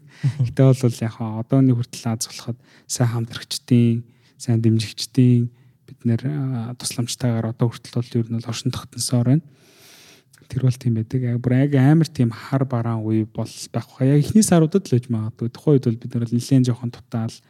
Би хувьяасаа ингээл мөнгө гаргал эхнэрээсээ мөнгө зээлэл. Тэгээл ингээл бид нар цалингаа тавих гал түрээсээ өгөхгүй л тэгээ хичээж исэн яг тэр үе байсан. Тэгээд тэр үе л яа. Гэтэ тэр үед нэг айгу урам хугарсан л нэг л зүйл хэдэм байна нэр гэсэн. Хэвлэл мэдээллийн салбар бол өөрөө айгу ер нь л бизнесийн байгууллага. Гэтэ бизнесийн байгууллага гэдгийг надад ард иргэд жоохон ойлгож ухамсарлдгүй юм шиг санагддаг. Тэгэнгүүт одоо жишээлбэл юу гэдэг юм бид нэр ингээд ус төрийнхөндөө ингээд хамааралтай болоод бид нэр ингээд ирэнгүүт өө тэр сайтынхан тэр газар зарагдсан байлээ гэж ярьдаг атлаа хүмүүс хизээч мэдээ уншихтаа мөнгө төлдөг. Бид нэр хизээч цэг мань уншихтаа ч юм уу те эконом уншихтаа эсвэл өнөө ньюс уншихтаа та яг одоо мөнгө төлөхгүй байгаа Эсгэд подкастыг үзэж байхдаа ч та мөнгө төлөхгүй байгаа тийм. Гэтэл бид нар энийг хийхин тулд яг одоо таны энэ бич одоо имжлэг үзэж байгаа энэ камерыг бид нар 12 сая төгрөгөөр, линзийг 3 сая төгрөгөөр, энэ бүүдийг 5 сая төгрөгөөр, энэ чихвчийг 100 мянган төгрөгөөр аваад бид нар энэ бүхнийг танд үнэгүй хүргэхийн тулд бид нар хийж байгаагийн хувьд нөгөө талдаа бид нар одоо ашиг олох хэрэгтэй. Цалин тавих хэрэгтэй. Тэгтэл тэрийг манай ард иргэд маань ер нь бол яг хуу мөнгө төлдөггүй хэрнээ айгүйх тэрэн дээр одоо их өндөр шаардлагуудыг тавьдаг. А нөгөө талдаа бизнесийн байгууллагууд нь маань бас оюуны өмчийг хангалттай сайн үнэлж чаддгүй ч юм уу те. Одоо бидний хувьд бол бид нар маш их хэмжээний value бид нар гаргаж ийж тодорхой үйл явдлыг гоё харуулахын тулд, гоё хийцэлтэй харуулахын тулд гой утга учиртай гой учир цангилагийг тайлж тайлбарлахын тулд аюу цаг ингээд зарцуулдаг. Гэтэл тэрийг маань ингээд хөдөлтөж авахтаа ч юм уу эсвэл хамтрахтаа танах жоох хүнтэй байна. Оо танах бусад тим газраас уншигч чинь амар зөвхөн дагагч чинь юм яг тийм амар үнэтэй байгаа гэдэг ч юм. Тэнгүүт аюу юм сонин медиа салбар амар юм сонин уншигч мөнгө төлөхгүй. Бизнесийн хангалттай үнэлэхгүй мөнгө өгөхгүй. Гэсэн хэрнээ улс төрийнхнөөс одоо ганц одоо мөнгө өгдөг ч юм уу тийм ганц одоо ингээд юм аа ажлаа сурталчилах хүсэлтэй байдаг мөнгөийг нөгөө гэдэг улс төрийнх нь юм хийхлээр зөрүүлээд улс төрийнх нь мөнгө авсан болчдөг гэдэг ингээд амар юм сонин нөхцөл байдал байлгахыг шаарддаг. Тэгээд байх шаардлага гардаг. Тэр үед л айгүй энэ медиа салбарх ямар хэцүү юм бэ л гэж бодож байсан. Яа. Одоо тэгээ нэг зүйлийг тодруулж би хэлэхэд бид нар бол unnew news гэж юу хэлдэггүй одоо бол үнэн юус болсон. Тий. Тэгээд бид нар бол бидаасан ийм хараат бус хэвлэл мэдээлэл редакцийг бол бий болох гэж хичээж ажиллаж байгаа. Тэгээд ямар ч байсан хэдий бизнесүүд одоо андээлж байгаагаар бид нар дэмжихгүй тохиолдол байгаа, үнэтэй байна гэж хэлсэн тохиолдол байгаа. Тэр бол тэгж хэлэх тутамд бол анд хоёрыг биш, манай багийг тэр чигт нь үүсгэж байгаа юмнууд байдаг. Гэтэ нөгөө талд нь бас яг юм бидаас ивд мэдээллийг дэмжиж ажиллаж байгаа олон бизнес түншүүд хамтрагч нар байгаа те. Өнөөдөр жишээ нь Intel ингээд скетэнтэй хамтарч байгаа бол бас нэг төрлийн хэл мэдээлэл ингээд дэмжиж байна. Тэгэхээр бүгдэнд нь баярлалаа. Аа тэгээд нэг тэрэн дээр яг саний хэлсэн дээр нь мах дээр одоо жишээл яг урт хугацаанд хамтарч байгаа яг манай контентууд яг байгаагаар нь аюугаа хүлээж авдаг тий. Аюу сайн үнэлдэг бол үнэхээр гоё хамтрагч нар байдаг. Таад манс магадгүй бидний контентийг үнэн ньюс дээр үзэж байхдаа тэр газрын хамтрлын контентуудыг нугасаа харах бах. Тэгэхээр бид хэдийг бас хэрэг таад маань шууд дэмжих одоо боломж болцоо шууд арга зам байхгүй бол тэр байгууллагуудын хийж байгаа бизнесийг дэмжих юм а бас эргүүлээд бид нэрийг дэмжиж байгаа маш том хэрэг болдог шүү. Тийм учраас яг түрүүний хэлдгээр те мэдээлэл бол над над дээр ч тэр бас аюу гой сонирхолтой контентууд хийхэд аюу их дэмжлэг үздэг. Би бас өөр яг энэ подкастн дээр а дуртад хэлмээр сайн электроникс гэж надтай хамтардаг компаниудаг. Сайн электроникс бол бас яг яг нэг хүмүүст хэрэгцээдэг контент хийхэд маань манай өнөө ньюсикчдэр намаагчдэр аюу их олон дэмждэг. Яг иймэрхүү гой гой байгууллагууд бас зөндөө олон байдаг шүү дээ. Тэднээс дэмжээрээ бас байгууллагууд нь эргүүлээд ийм гоё контент хүмүүсийг соён гээрүүлж байгаа тий хүмүүс гоё мэдлэг мэдээлэл өгж байгаа контентуудыг гоё дэмжээрээ тэгээс ганцхан нөгөө борлуулалтаа ихсэх гээд хүмүүсийг нээлгчээл тэгээ нэг хэдэн мянган хэд ард мянган лайк авчаал нэг хагаа хий болоод өнгөрчдөг. Тийм зүйлсүүдийг бас дэмжихээс илүүтэйгээр дараа нь үнц нь болж үлддэг team content creator-уудыг контентуудыг дэмжээрэй л гэж би бол хувьдаа урайлж хүсмээр байна. Яа. Тэгээд э, одоо бид нар ягаад үнэн үү гэдэг болцсон бэ гэхээр Монголын хамгийн анхны юм тогтмол хэвлэл мэдээллийг үнэн сонин гэдэг байсан тий. Оросоор болохоор Pravda гэдэг лөө. Тийм баг. Тий. А? Тийм Pravda. Тэгээ Pravda ч нь болохоор ерөн зөвлөл бот улсын баг бүхэл нөгөө нэг Republic дотор байгаа улсуудад нь байдаг гэсэн чинь тий. Монголд болохоор үнэн гээд. Тэгээ яг ингээд хуучин цаг бол хуучирсан Тэгээ бүх юмыг үнэн гэж нөгөө одоо социализм коммунизмын үед бол ингээд тарих угаадаг байсан юм пропаганда хэл мэдээлэл байсан шүү дээ. А бид нар болохоор хүнийг ингээ бүх юмыг question хийгээрээ яг үнэн үү гэдэг асуултыг асуугаарай гэд үнэн үү гэдэг нь бас дахиад нэг утга нь ингээд questioning the authority. Одоо байгаа status quo буюу яг одоо энэ байгаа нөхцөл байдлыг асуух чаленж хийхтэй ийм утга учиртай гэж юу боддог. Аа тэгээд яг энийг би яагаад хэлж байна гэхээр андаас асуух дараагийн асуулт. Яг хоёлоо ер нь бол подкаст дуусах гэж ханд чинь зөв Мм тэг ер нь бол ер нь бол манай ч нөгөө second дайж дүтитэй аа. Тэгээд тэгээд болохоор би бас сүүлийнхээ асуулт асууж байгаа гэж бодож байна. Ер нь бол одоо масс медиа буюу олонний дэвлэл мэдээлэл гэдэг байна те. А би болохоор зүгээр as a co-founder гэдэг юм уу хамтруулсан байгуулагчийн хувьд болохоор үнэнөг нөгөө альтернатив медиа гэж хардаг. Тийм болохоор бид нар арай жоох өөр олон нийтийн масс медианаас арай өөр гэж харж байгаа. Тэгээ анд хоёр дээр санал нийлж байгаа ч юмуд байгаа, зөрүүтэй ч юмуд байгаа. Гэтэ яг энийг бол би өмнө нь их андаас асууж байгааг байх л та. Гэтэ чиний бодлоор ер нь бол үнэн үү яг ямар орон зайг одоо Монголын хэвлэл мэдээллийн салбарт нөхөж байгаа гэж бодож байна. Тэгээ цаашдаа ирэх хэдэн жил ер нь ямар үүрэг оройлттой залуучуудын дунд ч юм уу оролцсон гэж бодож байна. Вау, өстэй амар гой асуулт энэ. Над миний зүгээр хувьд бол би ингэж л бодож байна. Манай уг нь ерхий редактор байсан энэ дэр бас айгуу гожиггүй хариулт өгөх байсан баг тань манай тавилттай бэлгүнээс өөрөх нь яг энэ дэр дараа нам миний хариулсны дараа жаас өөрийнхөө саналыг хэлээрээ зөв миний бодлоор бид эдийн хөх цэг бол хамгийн ихний ээлжинд бид эдийн энэ нөгөө замраагүй олон чанаруу контентын мэдээллийн урсгал донд бид нэр судалгаан дээр үндэслэгдсэн сонирхолтой өнцгтэй а тийм яг жинхэнэ утгаараа юм тайлбарладаг тийм медиа байх нь л айгу чухал гэж боддог. Одоо бусад зөндөө олон медианаар зүгээр ингээл нөгөө хилээл орчдтэй. Өнөөдөр тэдэн тийм болжээ. Өнөөдөр тэрийг ингээд танилцууллаа. Яагаад танилцуулж байгаа? Яагаад яг юм тоо? Яг энэ тооных нь ард дээр нь яагаад нэм тоо тоолж гарч ирсэн гэдэг тэр олон яагаад дунд аль болохоор олныг аль болохоор чухлыг нь олж хариулт өгсөн тийм мэдээлэл, тийм контентийг хийдэг медиа байхыг л бид төсдөг. Тэр бол миний бусдаас ялгарах онцлог бидний хямын сайн хийж чадах зүйл гэж бол боддог. Энэ нэгтгэх нь. А хоёр дахь нь бидний хувьд зүгээр бид нэр юмэг гоё харагдуулах дээр маш их ачаал бодол өгдөг. Маш их цагийг зарцуулдаг. Бидний ганц видеоны одоо дууны сонголтыг хийх гэж манай видео эдиторүүд хідэн цагаар хүртэл суух нь тохиолдол байдаг. Ганцхан тэр та хэдэд тэр мэдрэмжийг зүүхийн тулд тэр аяыг сонгохын тулд гэхдээ эн чинь зүгээр мэдээний видео шүү дээ тийм тэгээс уран сайхны видео киноны аяа биш. Гэтэл ганцхан мэдээ тэгэхээр тэгж их нөгөө зүрх сэтгэлээ шингээж хийсэн тийм чанартай үзэмжтэй контентийг бид нэр хинээс чилүүтэйгээр бусдад өгье. Хэрэг тэгж чадах юм бол хүмүүсийн анхаарал итдэж тэр мэдээлэл авах тэр нөгөө мэдээлэл мэдээ гэдэг зүйл чинь амар бооринг байгаа болоо сонирхолтой болоод улан цаашаа судлах сонирхох тийм гоё excitement тийм гоё мэдрэмжийг нь хүнд эхлээд өгч чадвал бидний одоо үүрэг тэн дээр одоо хурж чадж байна. Зорилгот хүрч чадж байна л гэж бодож байгаа. Аа хоёр дахь зүгээр ирээдүйд цаашдаа байх зорилго бидний үүрэг рол юу гэхээр бид нар үнэхээр ийм гоё нийгэмд оролцоотой өөрсдийн гэсэн үзэл бодолтой тэгээ тэрнийг гоё юм чөлөөтэй гоё хилцүүлдэг Аа тэгээд тийм төрлийн юмнуудыг хийдэг хүмүүсийг гой бөөнөрөө хамт дэмждэг тийм гой community үсгэхин санал гэж би айгүй боддог. Тэгээд төрүүлснээ үнэн бол community байж болно. Үнэн бол community байх ёстой тий.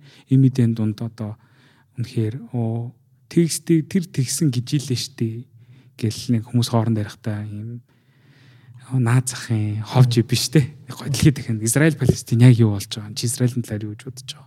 Палестины юм байгаа гэсэн. Чи тэн дээр хасан тийм мэдээлэл тэгж уншсан. Бид нар бол өдөржингөө бас нөгөө өнөөдөр л хэд өдөр ажил дээр маань Израиль Палестинс бол баг хэрүүлэх нь холбоо ингээл хоорондоо ярьж байгаа хэрэг. Тэгэхээр яг иймэрхүү залуучууд олон байж иж бид нар байгаа одоо нөхцөл байдлыгаа хамгийн эхлээд бид нар асуулт тавих те асуултын тэмдэг тавих. Яагаад юм байгаа? Ийм ийм байх ёстой юм уу гэдэг question хийн. Question хийж сурсныхаа дараа бид нар тэрний дараа тэрний эсрэг тэгвэл ийм бай гэдэг санаачлагыг бид гаргаж сурна. А санаачлаг гаргаж сурсныхаа дараа бид нар энийг ийм болгоё гэдэгтээ бүгд хамтаа хөдөлж чадах юм шиг санагддаг. А одоо яг ихний буюу тэр асуулт асуух тэр ур чадварыг суулгахын тулд эхлээд тэргүй хангалттай мэдээлэлтэй байх хэрэгтэй тий. Тийм л юм бодогдож байна. Тэгэхээр ер нь бол яг 5 жил дараа юу гэж бодох вэ гэхээр амар гоё мэдээлэл туртай мэдээлэл донд байдаг. Тийм комьюнитиг үсгэж гэж боддог билгэнэ. Аа чи нөгөө түрүүн ярьжсэн шүү дээ. Ингээд бид нар ингээд мэдээлэл ингээд одоо Монгол Америкийн ялгаан дээр бид нар нөгөө мэдээлэлээ яг зөв газараас авч чадахгүй байна гэдэг юм. Тэгээ тэрэн дээр болохоор яг хөө нэг би бас нэлээд дээрээс л боддог байсан зүйл болохоор ер нь хэл мэдээллийн байгууллага бол өөрөө нэг төрлийн think tank байгаа байхгүй тийм. Бид нар ер нь мэдээлэл дамжуулахаас гадна бас мэдлэг үйлдвэрлэдэг байх хэвээр. Тэгэхээр миний одоо бас харж байгаа алсын арга бол ер нь бол мэдлэг үйлдвэрлэх тийм think tank болох. Тийм болохоор бид нар одоо нийгэм улс төр эдийн засгийн янз бүрийн асуудлуудыг одоо өөрсдөө ингэж сонирхож судалж яг үнэндээ хизээч бид нар уулуурхаа өмнө сонирхдаггүй байсан бол нэг жилийн дотор бид нар Монголын уулуурхаа дээр бас хөөрхөн экспертүүд болсон байгаа байхгүй. Яг тэр үнэхээр бид нар уулуурхаа дээр төшгөлсөн эдийн засаг байгаа болохоор тий. За тэгээ уулуурхаа дээр эргээгээд байгальтаа хортой юу хөнөөлтэй гэхээр хортой хөнөөлтэй. Гэхдээ бид нэр тэрийг болчингууд бид нар хилээ хаачингууд нэг сарч хүрэхгүй ингээд гацах улс те. Тэгэхээр зэрэг ингээд окей тэгвэл уурлуулахаа бол нэг юм юутай sustainable буюу ийм юу төлөө доктортой уулуурхаа хөгжүүлэх хэрэгтэй байна. Тэгээд доктортой уулуурхаа гэж юу вэ гэдгийг л чинь одоо бид нэр тань тайлбарлах ойлгуулах хэрэгтэй байгаа. Тэгээд доктортой уулуурхаагаараа бид нэр мэдээж хэрэг олон жил явахгүй монголчуудад дараагийн юм байх хэрэгтэй ч гэх юм те. Тэгэхээр нөгөө түрүүн бас хэлжсэн нөгөө Pax Mongolica үед бол бид нэр дэлхийг байлдан дагуулж ижээ. Тэгэхээр би манай ээж надад айгу хэлдэг юу? Аа бид нэр Монгол хүн болгонд одоо үндэстэн иргэн шил соёл иргэншил болго өөр өөртөө гэсэн нэг юм өх юмтай байдаг. Монголчууд болохоор нэг юм төр өдөрдох, юмыг имхлэн зохион байгуулах нэг ийм ухаантай арт түмэн. Тэгэхээр уул нь бол монголчууд энэгээрээ ингэж экспортлж явах хэрэгтэй гэдэг. Тэгэхээр зэрэг магадгүй одоо одоо энэ Израиль Палестины асуудал дээр бол эмх замраагүй байдал үүсэж байна те. Гэтэл бид нар үнэхээр одоо Палестины одоо арабуудыг ч юм уу ер нь Израилийн арабуудыг ингээд яг үндэ ойлгодог байлоо те. Муслим хүн гэж яг юу юм ислам шинтэй үуч юм ингээд гэтэл манай үг дээд амар ойлгодог байсан байгаа байхгүй те. Одоо бүх яг худалдаа тэр нөгөө өрөндийг дорноттой нь холбохт нь хамаг ур ухаанаа зарцуулсан Чингис хаан тусалсан хүмүүс нь одоо муслимууд гэдэг ч юм уу те. Тэгээ тэр хүмүүсээ тэгэхээр зэрэг монголчууд тэгвэл эргээгээд юу гэх юм гэхээр бид нар нэг юм одоо саяны тэр энэ одоо бид нар бол шашинг хөлцөнгүү ханддаг энэ арга ухаан байна. Тэгэхээр бид нар нөгөө дотооддоо байгаа хүмүүсээ одоо дэлхийн мэдээлэлтэй холбохоос гадна Монголынхаа бас нөгөө мэдлэг мэдээллийг гадагшаага түгээх тийм сувг нь байхыг бол хүсдэг. Тий. Тэгэхээр бол магадгүй Pax Mongolica coil хийж чадж байгаагүй. Аа тийм шүү дээ. Аа окей. Миний нэг сүүлийн асуулт байна л да. Анд бол багаасаа контент хийж байгаа. Тэгээд нөгөө адалтын гэнт ананд гээд ихэндээ хэлжсэн те одоо чамтай хамт ингээд хүмүүс өсөж тойрнож байна. Тэгээд зөндөл хүмүүс контент хийхийг хүсдэг. Одоо бол дараагийн үе Gen Z, Gen Alpha, Alpha бол баг YouTuber болох номер 1 гол нь болцсон байна гэд барууны орнууд тэгээд байгаа шүү дээ. Тэгээд ананд бол яг тэр мөрөөдлөөр нь амьдрсан хүн. Тэгээд энэ олон жил ингээд контент хийж байхдаа чи хийхийг хүсэжсэн мөртлөө хийж чадахгүй байгаа контент байна уу? Фүү зөндөө олон байд шүү дээ. Юу л энэ санаа идэг болохоор одоо зөндөө олон байд. Ялч цаг нь бол нэхэр олддгүй л дээ. Гэтэ би хоёр шинэ контентыг бол нэхэр хийх хэрэгтэй гэж бодож байгаа. Түрүүний хэлдэг тэр adulting Antosh Colm-ийн айгүй удаан хугацаанд бодож явсан team контент. Тэгээд тэр контент яагаад айгүй чухал вэ гэхлээр нөгөө түрүүний хэлсэндээ чип дөрийн төлөвшил бий болоход бол бид эдийн аав ээж оролцоо аягүй чухал байсан байна. Хүмүүжил аягүй чухал байсан байна. Бидэд одоо өнөөдрийн байж байгаа тодорхой хэмжээнд нэг ур чадварыг хиннэгэн хүн бид нар дээр өлүүлж үлдээгээд өгөөд бид нар тэрийг нь ашиглаад өнөөдрийн төвшөнд хүрсэн байна. Гэтэл түрүүний хэлсэн нөгөө хоёул бол айгүй нөгөө англиар бол privileged те. Тэгэхээр айгүй монголоор бол айгүй боломж дунд ус тойронцсон хүүхдүүд байдаг. Гэтэл тийм биш байгаа айлын хүүхдүүд зөндөө олон байгаа те зарим нэг нь үнэхээр тэрийг заагаад өгөх боломжгүй байдаг. Тийг эргэн тойронд тийг хүн байдаг, илээд хүн байдаг зөндөө олон хүмүүс байгаа. Тэр дунд л зүгээр би өөрийнхөө сурсан мэдсэн авсан тэр privilege-тэй аль болохоор контентээр дамжуулаад аль болохоор олон хүнд дамжуулж өгөө л гэдэг тийм хүсэл эрмэлзэл байхгүй. Жишээлбэл надад миний аав зангаа зангидах зааж өгчсөн. Бид тэр зангидалтаа нь би одоо хүртэл зангиддаг. Тэгээ би ямар ч тохиолдолд би зангаа зөв би зангидаж чадна Гэтэл зарим нэгэн хүн аав өссөн ч юм уу эсвэл эргэн тойронд эрэгтэй тийм зангаа зүйдэг хүн байхгүй болвол тэр хүнийг өдөр ажлын харилцаан дээр орохгүй тийм хүн зангаа зүйж чадахгүй байгаасаа л тийм бити байгаасаа гэж бод. Тэгэхээр миний тэр контентын хүсэл бол хүнд хэрэгцээтэй хамгийн наад захын гэхдээ хэрэгцээтэй байдаг тийм ур чадваруудыг би өөрөө мэддэг эсвэл мэддэг хүмүүсээр нь гоё яриулаад тэгээд ингээд гоё цуур болгож хүргэх. Тэр нь айгүй гоё энгийн байж болно те. Тийм бол миний нэг контент нь Хоёр дахь контент гэх юм бол би Man Up Monday гэдэг нэртэй яг эрэгтэйчүүд зориулсан одоо нэг нэг өдөр болохоо ордог нэг тийм контент гэж бодож байсан. Яагаад эрэгтэй хүмүүст айгуу чухал вэ гэхэлэр бид нар нөгөө бие биентэйгээ айгуу баг ярилцдаг, сэтгэлээ баг худалдаг. Тэгээ эрэгтэй хүн эрэгтэй хүний хоорондох communication айгуу их байдаг хэрнээ бидний айгуу тийм юм өнгөцгөн төвшөнд байд юм санагддаг байхгүй юу? Ер нь бол бид нэр өнөөдөр ингээл одоо хоёлаа наад захын ингээл филинг ярьчихсан яг deep down яг тэр доор яг юулаад байгааг аюу хүмүүс ховрхон удалдаг баг. Тэгэхээр харин тэрнээс болоод эрэгтэй хүмүүс одоо манай Монгол улс ч тэр дэлхийд дахиад ч тэр амиа оролтын төвшнгөөр эрэгтэй хүмүүс их бол эмэгтэй хүмүүсийнхээс хав илүү байдаг тийм. Тэгэхээр ер нь эрэгтэй хүмүүс хоорондоо бие биентэй ярилцах хэрэгтэй байна. А тэгээд тэр дундаа би зүгээр өөрийнхөө филингээс юу гэж утсан бэ гэхэлэр аа байх үед түрүүнээс би хоёр дахь удаа амираад талтсан. Тэгээ аа байх үед хүн аюу хариуцлага орж ирдэг. Аюу их прешэр орж ирдэг. Тэн донд аюу их нюанс одоо үүсдэг те. Тэгэхээр тэр аав байхыгаа талаар хоорондоо гоё ярилцдаг, аав аавтайгаа гоё мэдрэмжээ ярилцдаг, туршлагаа хуваалцдаг. Тим контент манай Монголд айгу ховор юм байна гэдэг. Тэгээд яаж ч аудад зориулсан аауд хийдэг тийм подкаст эхлүүлээгээд одоо ажилдаа орж байгаа. Энэ 7 хоногт манай эхний зочин маань бичигдэнэ. Тэгээд эхний зочин маань орсныхан дараа тест байдлаар оруулаад бид нэр тэрийг аягүй сайн жоохон засаад сайжруулад сургамжууд авч хагаад тэгээд тэрнээс хоошоогоо тогтмол ер нь бол оруулаад явдаг болох тийм ер нь зорилго төлөвлөгөөтэй бол байх. Тэр тэгээ хүмүүс яах юм? Антошкагийн чаналаас үзэх юм. Аа, тэрийг өстө яг тухайн үедээ харж байгаа л яг тэгэхээр Антошка харин зүгээр жоохон нөгөө төрөний өнөг гэдэг нэрийг олсон стандарт авах юм бол жоохон хөрөхгүй дэрэж байгадгүй. Тийм учраас жоохон хөрөхөөр өөр зүгээр тустай гэхэд брэнд гаргаж магадгүй баха. Окей. Тийм байна. Аа, би дуусгасан блүүнээс асуултсан. Блүүнээ ер нь нөгөө төрийн өнөөдөр цагийн хугацаа нөгөө миний аавын алднаас болоод жоохон шахагдчихж магадгүй. Тэгэхээр сая асуулт дунд нь асуугаагүй яг орхисон тийм асуулт байна уу? Аа харин байгаа. Би яг тэрийг асууж гэж бодлоо. Баярлалаа. Мэдэрлээ. А гэтээ би бас нэг мэдээлэл өгч яадаг дайлмдуулаад аа сая нөгөө хоёлаа 8 сард ингээд 50 чамд бэлгүүнээ юм хийж байгаа юм байна гэд яриа тэгээд ингээд бизнес партнерууд болсон юм байна шүү дээ. Тэгээд гурав дахь партнертай байсан. Тэгээд гурав дахь партнер маань болохоор бид нэр ер нь хоорондоо үл ойлголцоод 12 сард салсан. Тэгээ 12 сарын 29 буюу нөгөө үндэсний тусгаар тогтнолын баяр сар гэж. Яа тусгаар тогтносон юм шүү. Сарс байсан шүү дээ. Бид нар тусгаар тогтсон юм шүү дээ өөр. Тэгээ тэр үед болохоор дөрөв анд хэлсэн бид нар баг юучгүй үлдсэн гэдэг. Тэгээ тэрнээс хойш бид нар юмтай болсон. Ер нь гэхдээ ингээд баг тэр компани ингээ хоёр ингээ салахтаа бид нар нэг л яг эдитинг компьютертэй те. Яг ийм одоо ажиллаа хийдэг нэг л компьютертэй дизайнер ч байхгүй аа ер нь ингээ оффислч байхгүй тийм юучгүй л болоод дууссан. Тэгээд ер нь бол нэг үгээр энийг ч одоо дампуурлалгийн нэзтэй тий бид нар яг дампуурж исэн. Тэгээд тэрнээс хойш 12 сараас хойш бид нар ингээд яг үү яг энэ үүсгэн байгуулсан гişүүдтэйгээ хамт одоо ингээд нэг жил болчлоо. Нэг жилийн нөр үзэх гэж байна. Тий.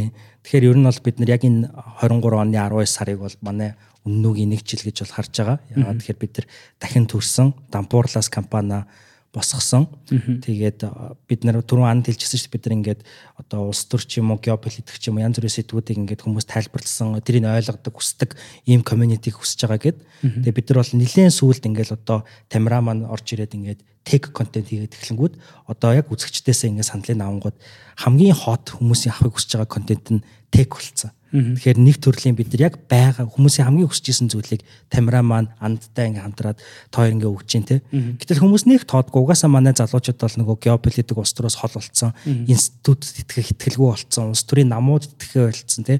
Шүүх засаглалтаа итгэхэ болцсон, юунд ч итгэхэ болцсон ийм залуу юм шүү дээ. Тэгээ өөртөө итгэдэг. Тэгээд гэтэл бид нэр тэр санал асуулга дээр нэг 30 хүн ч яа 40 хүн ч яа бас улс төр геополитик гэж бичсэн. Гэтэ тэр нь хамгийн доор байгаа байхгүй. Гэтэ тэрийг яг үндэ хараад би баярлж байсан. Манлайч би хэлж байсан байхгүй. Энэ яагаад баярлж байгаа гэхээр бид нар 100 хүнний 10% одоо 200 саналаа өгсөний 20 30 хүн үжээ гэж 10% нагаад шүү дээ. Тэгэхээр 10%-ийн тэр нь яг бидний нөгөө бий болгосон community гэж итгэж байгаа байхгүй. Тэ. Тэгэхээр зэрэг бид нар нөгөө зөвхөн энэ компани дампуураагийнхаа үр дүнд аа бас нэг төрлийн нэг юм шин үеийг үетэйгээ ингэж хамт одоо илэрхийлэх. Тэгээ одоо энийг үзэж байгаа, подкастыг сонсож байгаа, үннүүг дагж байгаа, дэмжиж байгаа энэ хүмүүсийнхаа нэг юм нүүр царай нь болж байгаа гэж итгэж байгаа. Дуу хоолой нь болж байгаа гэж итгэж байгаа. Бид нар их мундагтаа биш. Бид нар яагаад тэгэхээр яг адилхан үзэгчтэйгээ хамт ингээд нөгөө суралцж байгаа, нүдж байгаа процессоос ингээд юм авч байгаа шүү дээ. Тэгэхээр чиний бодлоо ах энэ жоохон хэцүү асуулт гэж магадгүй. Гэтэ компани дампуурлаас аварч тэгээд бас одоо энэ хүмүүсийг үзэгчтэй энэ комьюнитигаа алдахгүй байсны ард үр дүнд энэ ард нь гараад одоо цаана дахиад зөндөө ард нь гарах олон даваа байгаа хэ. Гэтэ чиний хувьд хамгийн юм олж авсан зүйл юу вэ? Ер нь цалингаас илүү цалин мөнгнөөс илүү нэг тийм үнэт зүйл олсон зүйл чинь.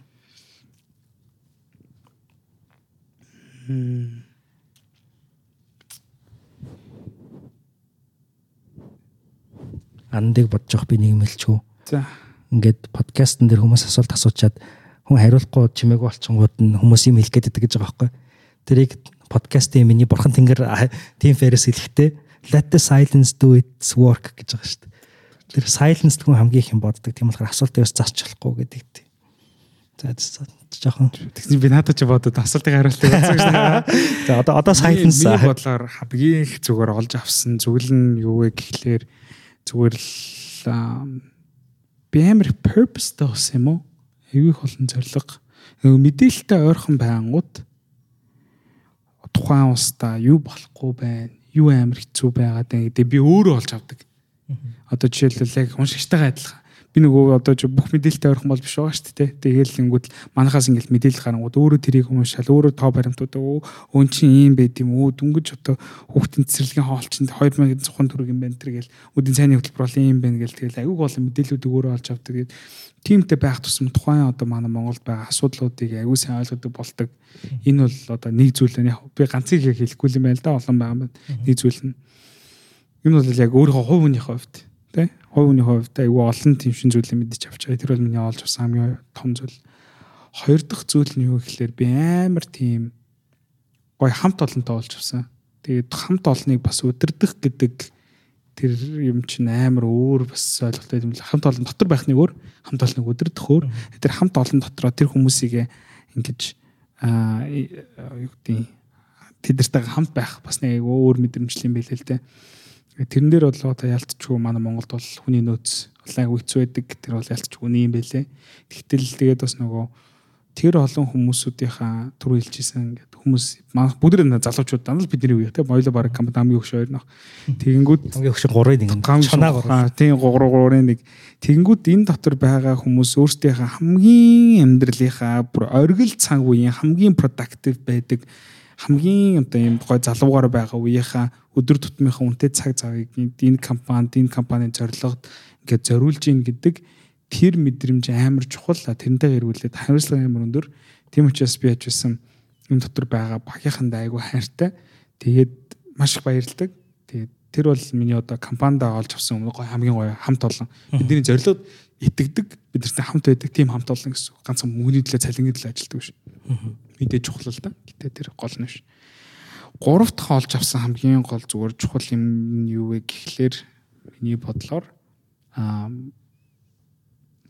би айгүй итгэл айгүй олж авсан юм болов хоп буюу бид нэр зүгээр л мэдээлэл өгдөг бид нар мэдээ тавьдаг яг сонирхолтой гой байдлаар мэдээ тавьдаг мэдээний эйженси гэтэл бид нар 20 мянга одоо фолловерс удахгүй хүрэх гэж байна тэгэхээр яг ийм сонирхолтой мэдээ уншдаг, мэдээ сонирхдаг ийм хүмүүсийг бид нар ингээд дагуулад бид нэр тэр хүмүүсийн хувьд үнцэнтэй байгаад тэр хүмүүсийн сэдвүүдийг талаар сонирхоод байна гингүүд надад оо биднэрт ийм гой зүйл хийж байгаа юм байна. Энэ зүйлээ улам илүү сайн хийх ёстой юм байна гэдэг тийм итгэлийг олж авдаг. Тэр бас бид нарыг яг fuel хийдэг. Тэр миний авч тоолж авсан хамгийн гол чухал зүйл байна да. Бас гоё харилтай наа. Тийм мэдээж маш мундаг хамтрагчтай болсон. За окей, thank you very much. Баярлалаа. Тэгээд өнөөдөр бол таны бидний хамгийн хөгшин бөгөөд хамгийн залуу байх өдөр гэж байгаа шүү дээ. Тэгээд тийм болохоор тэр нэг айгу гоё утгатай үг юм санагддаг. Бид нар өглөө шиг залуу, далаа шиг хөгшин тэр нь өсөө гэхээр бид нар хангалттай хэмжээний амьдралын юм туршлага өөртөө байгаа гэдэгт итгээрэй. Тэр нь яг хуу миний нэг боддог юм байхгүй бурхан хүнд дааж өгөх ачааг нь дааж чадах ачааг нь л өгдөг гэдэг нэг үг гэдэг шүү дээ. Тэр надад айгүй үнэн санагддаг. Яг тухайн мөчтэй хэцүү байгаа мөртлөө бид даваал гарчдаг. Тэгэхээр зэрэг өөртөө итгэх хэрэгтэй юм билэ. Тэгээд чит хоёр бас өнөөдөр хамтрагч болоод явж байгаа чит хоёрын энэ амьдралынхаа турш өөр өөр замаар явж явж байгаа дундаа ингээд эрэхтэй өөртөө байсан бүх wisdom өөртөө байсан бүх юм чадруудаа энд зориулж байгаад би нэгт талархаж байна хоёр талхаараа чи түрүү нөгөө ирч хүчийг ярьлаа шүү дээ залуу насны ирч хүчийг. Тэгээд тэр ирч хүчийг суудаг. Бид нар бол мэдээнээсээ авч байгаа тийм контентээс авч байгаа. Тэгээд бас яг бидний контентийг ингээд хамт үзээд өөрийнхөө бас үзэл бодлыг илэрхийлээ. Заримдаа бид нэр зүрх комент бичиж болно, муудалцаж болно, хилцэж болно, доромжилж болно. Тэгээд хамгийн гол нь бид нэр редакц учраас редакцийнхаа бодлогын дагуу л явж байгаа. Гэтэ мань хүн бит хоёр бол ингээл Америк Америкт болоос ижимссэн. Мань хүн бол бүр Орос школтой тий. Тийм мөртлөө бид нэр редакцтай хамгийн монголчуудын залуу хүмүүсийн ашиг сонирхолд нийцэх юмыг л хийх гэж аяг хичээж байгаа. Тэгэхээр бид нар ч гэсэн хоошоо суух юм байдаг. Тийм болохоор бас өөрсдийнхээ залуу насыг зориулж байгаа чамд болоод хамт олондоо Тэгээд бас энэ подкастыг үзээд нэг цаг ингээд залуунасаа зориулсан. Та бүхэндээ баярлаа. Тэгээд та өглөө шиг залуу а далай шиг ухаантай авах болтугай. Болтугай тэр л бодоо шиг. За. За. Thank you. Cheers. Cheers. За бай баярлаа. Баярлаа манлаа. Баярлалаа. Баярлалаа манлаа. Аа